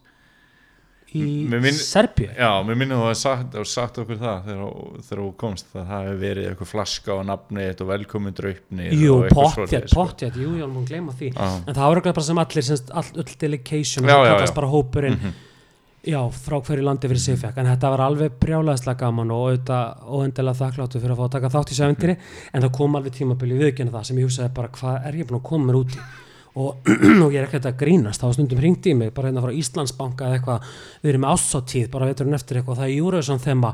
Ertu til að koma í hátíðina 50 og koma í gallanum og, og láta alla dansa dansin, Vist, ég var að fá svona símtöl í nokkur ára eftir. Já, já, og ég var alveg svona sko, nei, ég kemst ekki og ég er ekki til í það. Takk samt, Já. en auðvitað bara gaman að fólk hugsaði til Já, mér, svo beðin að setja ótal einhverjum dómnefndum það kynna eitthvað og svona alveg tekið að mér eitthvað sem ég fannst gaman og spennandi. Já, en svo var alveg fullt af einhverju stórförðulegu drasli sem ég var búið í bland sem ég hafði engan áhuga á. En þetta var bara gaman. Já. og eitt af því sem maður gerir alveg bara einu sinni. Mér, það sem kom mér svo óvart þegar þetta myndband var að draupni rúnar var allt í nýjus myndbandi hann náttúrulega það er ekkert farið í það hvað það kom óvart. Mm en það var í raun og veri líka bara svona strákur eins og Friðrikomar sem að var búinn að keppa í undan keppninni áður og augljóslega mikill Eurovision maður hafi svona gefið einhverjum öðrum svona stóra sneið af kökunni sko. og það er náttúrulega vanin að einhverju svona stjörnur eða artistar hérna, baði sér sem mest í sviðsljósinu og nýti þetta tækifæri. Því var alls ekkit að, að dreifa í, með þetta lag sko. Nei, bara góður punktur og, og áhugavert í rauninni. Til þarna, eins og það vita náttúrulega flestir hver þau bæði er í dag en á þessum tíma voru það ekki svona alveg svona landstækt og bara mjög góður punktur. En hann er bara svo rosalegu fagmaður fyrir komar og, og ennþá meir í dag auðvitað eins og samanber tónleikarnir á Dalvík og allt þetta sem hann gerir, allar þessar hann Fyr, að setja þetta fyrirtæki sem hann er já, með já, bara- og allt þetta Tina Turner show og Freddie Mercury og George Michael allt þetta. Já, allt svo flott. Og ég held að hann, hefur bara verið að hugsa um þarna að bara besta mögulega útkoma fyrir lægið að láta að fá sem mesta aðtekli að reyna einmitt að gera eitthvað annað. Já, ekki hafa eitthvað gullfoss og geysi og bláa lónið eitthvað, landkynningardæmi sem er þetta frábært. Mm -hmm. við viljum öllu þetta kynna land og þjóð og, og greinilega hefur hann ekki litið á að það væri sterkasti leikurinn að hafa bara þau tvö. Svo að þetta var einhver svona hugmynd sem þróaðist mm -hmm. uppalega frá honum og, og, og fór svo þetta í marga ringi og þá var til dæmis bara, ég man út í þetta var tekið upp náttúrulega sikkur stúdjón og sikkur um myndavilum allafana semst fyrir parturinn það sem ég átti að vera nördið heima hjá mér að búa til myndband. Og svo setni parturinn sem var opinbara myndbandi sem var tekið bara í svaka stúdjó hjá Rúf og við öll förðu og málu og aðri búningar og svona en ég man eins og fyrir parturinn að þá var fram að síðustu stundu átti að vera alveg heilt flokkur að dansurum með mig þar, hverja stelpur. Og svo var það bara klift út að síðustu stundu og Ísak, hann dansarlótin dansa með mér sem er, þú veist, mm -hmm. í samkvæmstans og eitthvað blá, svo þau voru alveg að vinna þetta jafnóðum og ég man að Selma Björns og Birna Björns sýsturnar voru þarna með puttana í dansadriðunum og, og, og Baldvin Seta og svo þau voru svona að þróa þetta og gera þetta saman frá síðustu stundu og útkoma var svo svona. Og já, eins og ég segi, þetta var mjög gaman og það er fyndið, ég viðkennu alveg að maður er ekki dagstæðilega að spá í þetta en það er alveg ótrúft sem þetta bankar upp á já, sem ég er einhver ammali eða einhver staðar og það er alltaf innbúið að skella sig á eða já, og svo mani á þessum tíma var líka svolítið um, einhverja staði sem voru með stóra skjái. Mhm. Búist mann bara eitthvað um Amsterdam með eitthvað bar sem ég kannski lappaði en fimm um nóttin eitthvað. Þá var bara myndbandunum skellt upp á skjá. Þú veist, og allir bara, wow, þú veist sýndu hvað ná að gera með hausnum. Veist, þetta var alveg, en ég segi, þetta er allt jákvæmt og skemmtilegt, en, en, en stundum var maður alveg bara, jæja, hvað hvað verður það næst? Og út frá þessu þá var næstu það næstu hvert einasta vor þegar Eurovision hefur verið búið að hafa samband með fjölmjölum um eitthvað að rifja þetta upp eða ég man árið eftir þá fór ég mitt í sjónvarsal ég, Helga Möllur Jónsi voru látið verið svona svo álitsgjafar að tala eitthvað meðan að domnundi var að ráða ráðum sínu með eitthvað. Og var spurt hvaða lag ég held myndi vinna og svona. Og ég man að ég sagði á Jóhanna Guðrún sem var svo í öðru sæti. Ég sagði þeim þá, ég man alltaf að ég sagði að ég hefði skinnið það í keppni 2008 að fólk væri svolítið búið að fá nóga þessu píkupoppi og, og var einhverjar gælur að dilla sér sem kynnu kannski ekki besta syngi í heimi. Já. en væri meira bara eitthvað að sína hold og eitthvað svona bla. Ég sagði að mér fannst þess að væri svona krafa eftir að fá dýfur sem kunna að syngja á eitthvað. Og ég kausa mitt sagði þá, ég, ég myndi vilja senda Jónu Guðrunu veist, og, og svo fór hún alltaf náðu svona langt. Þá fór ég mitt í þann þátt og ég man árið eftir það ég man því að ég var í Grímsey, þá kom Ísland í dag eitthvað að tala um Eurovision. Og ég kom með við til einhvernum blöðum og kom með svona, já, eins og ég segja, það, maður hefur svona verið meira viðri en Eurovision sem ég alltaf áhuga út, út frá þessu þetta alla tíð síðan sem er þetta bara gaman og ég fæ alveg einstakar sinni menn þá einhverja fyrirspyrnur á Facebook og eitthvað frá einhverjum Euro- Euro-nördum út í heimi. Það er eitthvað að spyrja út í, í myndbandið eitthvað eða hvort ég sé að gera eitthvað annað og, og svo er þessu sem heldur bara að, að, að það var eitthvað sem ég ætla að leggja fyrir mig. Margir af haldið að vera leikari líka. Mhm, og ég tók náttúrulega leiklist sem auka kjörsvið eins og ég kennar háskólanum Mhm. var í fyrsta hollunni sem útskrifast með það. Mhm, 100 ára sögu kennar háskólans en, mhm. en hef nú bara valla leikin eitt síðan þetta var. Ég held ég ekki bara valla farið í auðlýsingu eða neitt. Nei, jú ég lík því. Ég var smá hlutverkjarna í ófærð hjá Baltasar fyrir tveimur árum. Já, hafði náttúrulega fyrir Balta í hafinu heima Mhm. 2001 Mhm. það var aðeinslegt og var þar að vinna bara hreinlega þó ég hef verið smá svona auka senum en jú ég var smá hérna hjá mhm, í ófærð leka mynd bladamann en hérna já, svo þetta var svona ástæðan fyrir ég kom seint til Mexiko Mhm. í óglimalegu útskriftarfyrirleikar En ertu áttað á því það er tíu ár síðan það var? Já, það er eiginlega alveg magnað. Já, mér finnst þess að sé svona þrjú og hálft en, það eru tíu sko. já, en ég get sagt þér það að ég á 20 ára flugamæli núna í september Já, og mér finnst það magnað mhm, og því að mér finnst ég náttúrulega bara að vera svona 22 eða, nei, segi svona kannski veist, veist ég bara eitthvað Mm. veist, ég er 42 ára núna síðan 9. júni og, og alveg bara indislegt allt með það Mhm. dásaleg fóréttindi að eldast og, og elska bara að lifa og njóta Mhm. en það eru nokkur á síðan að ef einhverjar konur, það voru vild konur í fluginu voru að tala um að það voru fljúi 20 ár. Mm. það fannst mér að vera svona 120 ára. Og ég er alltaf núna að fljúa endalust alla daga með einhverja nýliða og veist, og er, ég er á yfirmaður í áhöfnunni og, mhm. og alltaf kemur þessi spurning þegar það er að brjóta í sem bara hvaðan ert þú og hvaðan ertu búin að fljúa lengi? Og ég er alltaf bara því ég segi haustur 20 ár síðan þá finnst mér ég bara allt í einu eins og ég sé orðinni mitt. Mhm, 770 ára. Mhm. en, en svona er þetta. Já, en 10 ár einmitt Mhm. sem kennar áskólan var 20 ár sem þetta þetta er magnað. Þetta er skemmtilegt. Já, þetta er svolítið gaman. Herri, nú fyrir við svona að ljúka þessu. Mm og það er eitt sem að mér langa að spyrja þig svona aðeins áður. Að þú myndist á það að þú hafi verið 11 ára þegar þú misti pappa þinn. Já, Getur þið sagt okkur aðeins frá því? já sko hvað var ég að segja já, ég bara pabbi var náttúrulega bara, hann var 47 ára gammal hann deyr, annan oktober 87 Mhm.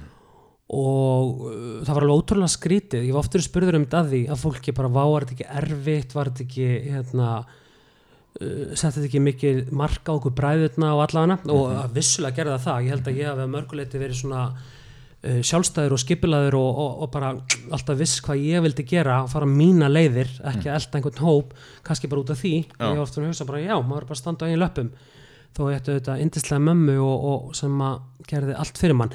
En pappi var eins og segi engabann og á þessum árum það var ótrúlegt, það voru eitthvað svo rosalega margir búin að vera að deyja í kringum okkur.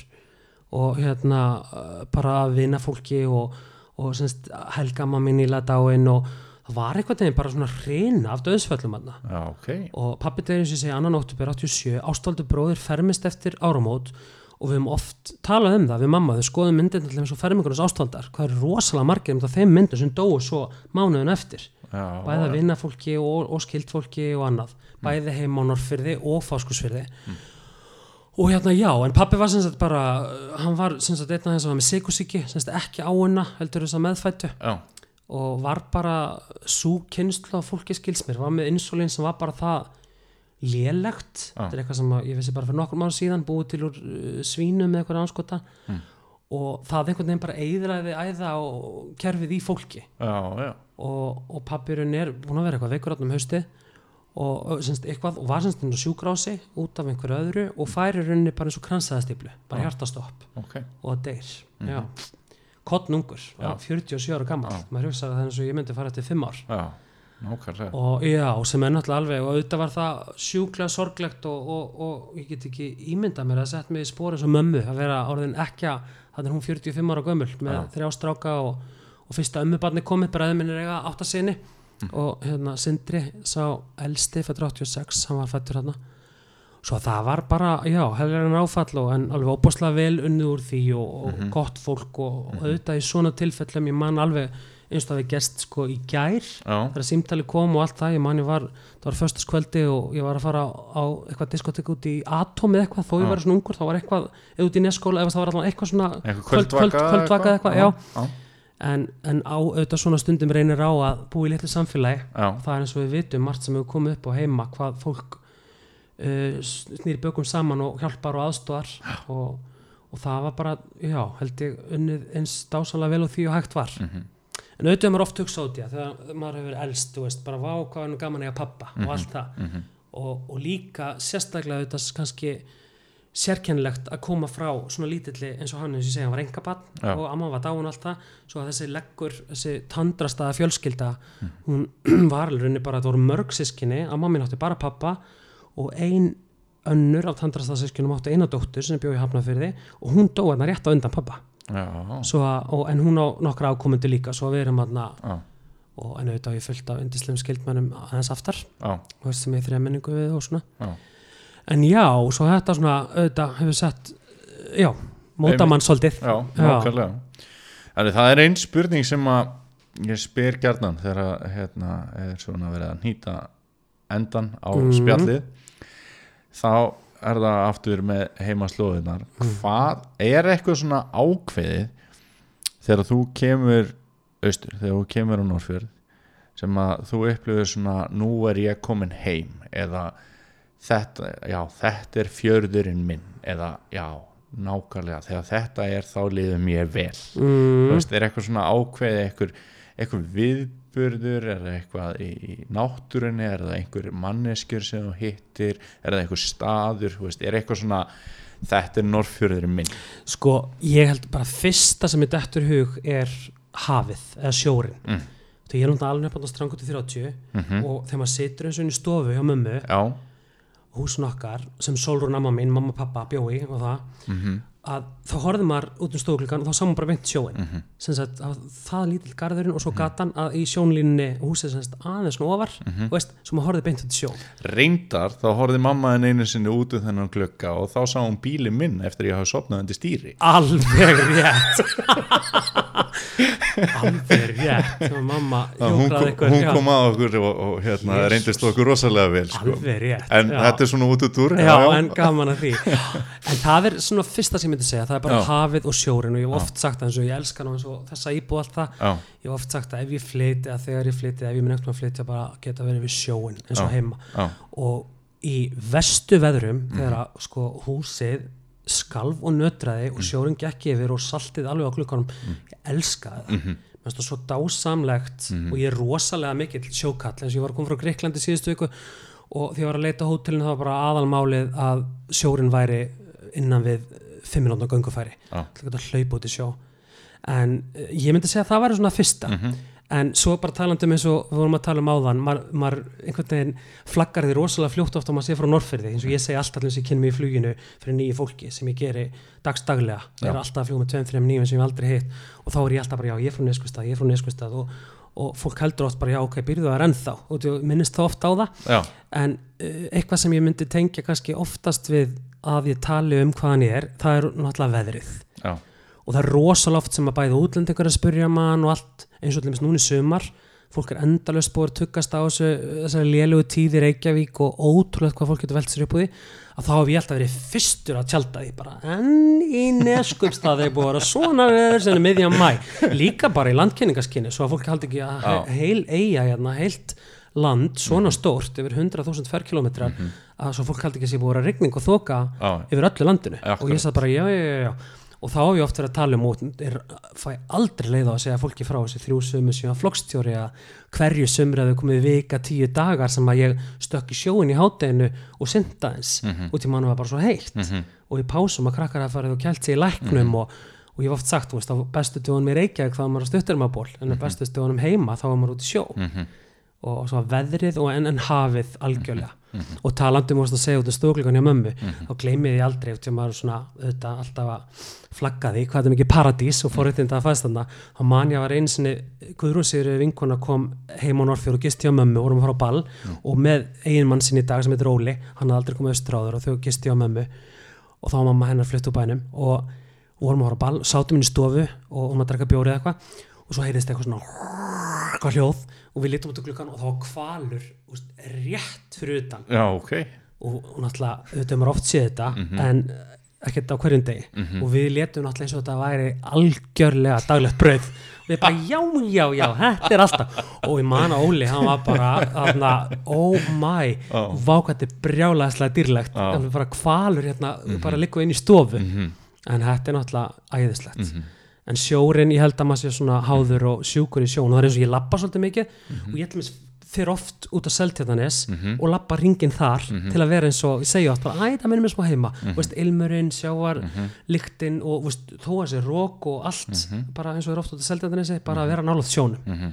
ég er rosalega háður því Einmitt. en það því ég fyrir til landa sem er ekki með sjó ekki með á, ekki með vatn, ég finn mig ekki í þeim Nei. ég er algjörlega veist, uh, það kemur smá á mótsvið, mótsvið að ef það er einhver brjálæðislega flott sundlög en oft er það ekki einsinni svo oft er ég bara, nei, ég vil ekki vera er ekki að vera að koma hinga aftur Mhm. alveg og talandi um það þá er náttúrulega sundlögin líka heima hún er alveg bara, Mhm.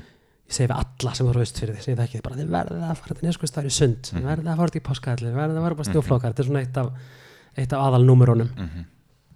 en svo eins og sér í íbúðinu minni til dæmis Mhm. þetta er nú ekki stór íbúð, en sér hvað er margt sem minnið hérna á neskustæri hér er eins málverk, bara við hliðin á okkur eftir Mhm. Ragnarsdóttur, Bókur Ragnars Mhm.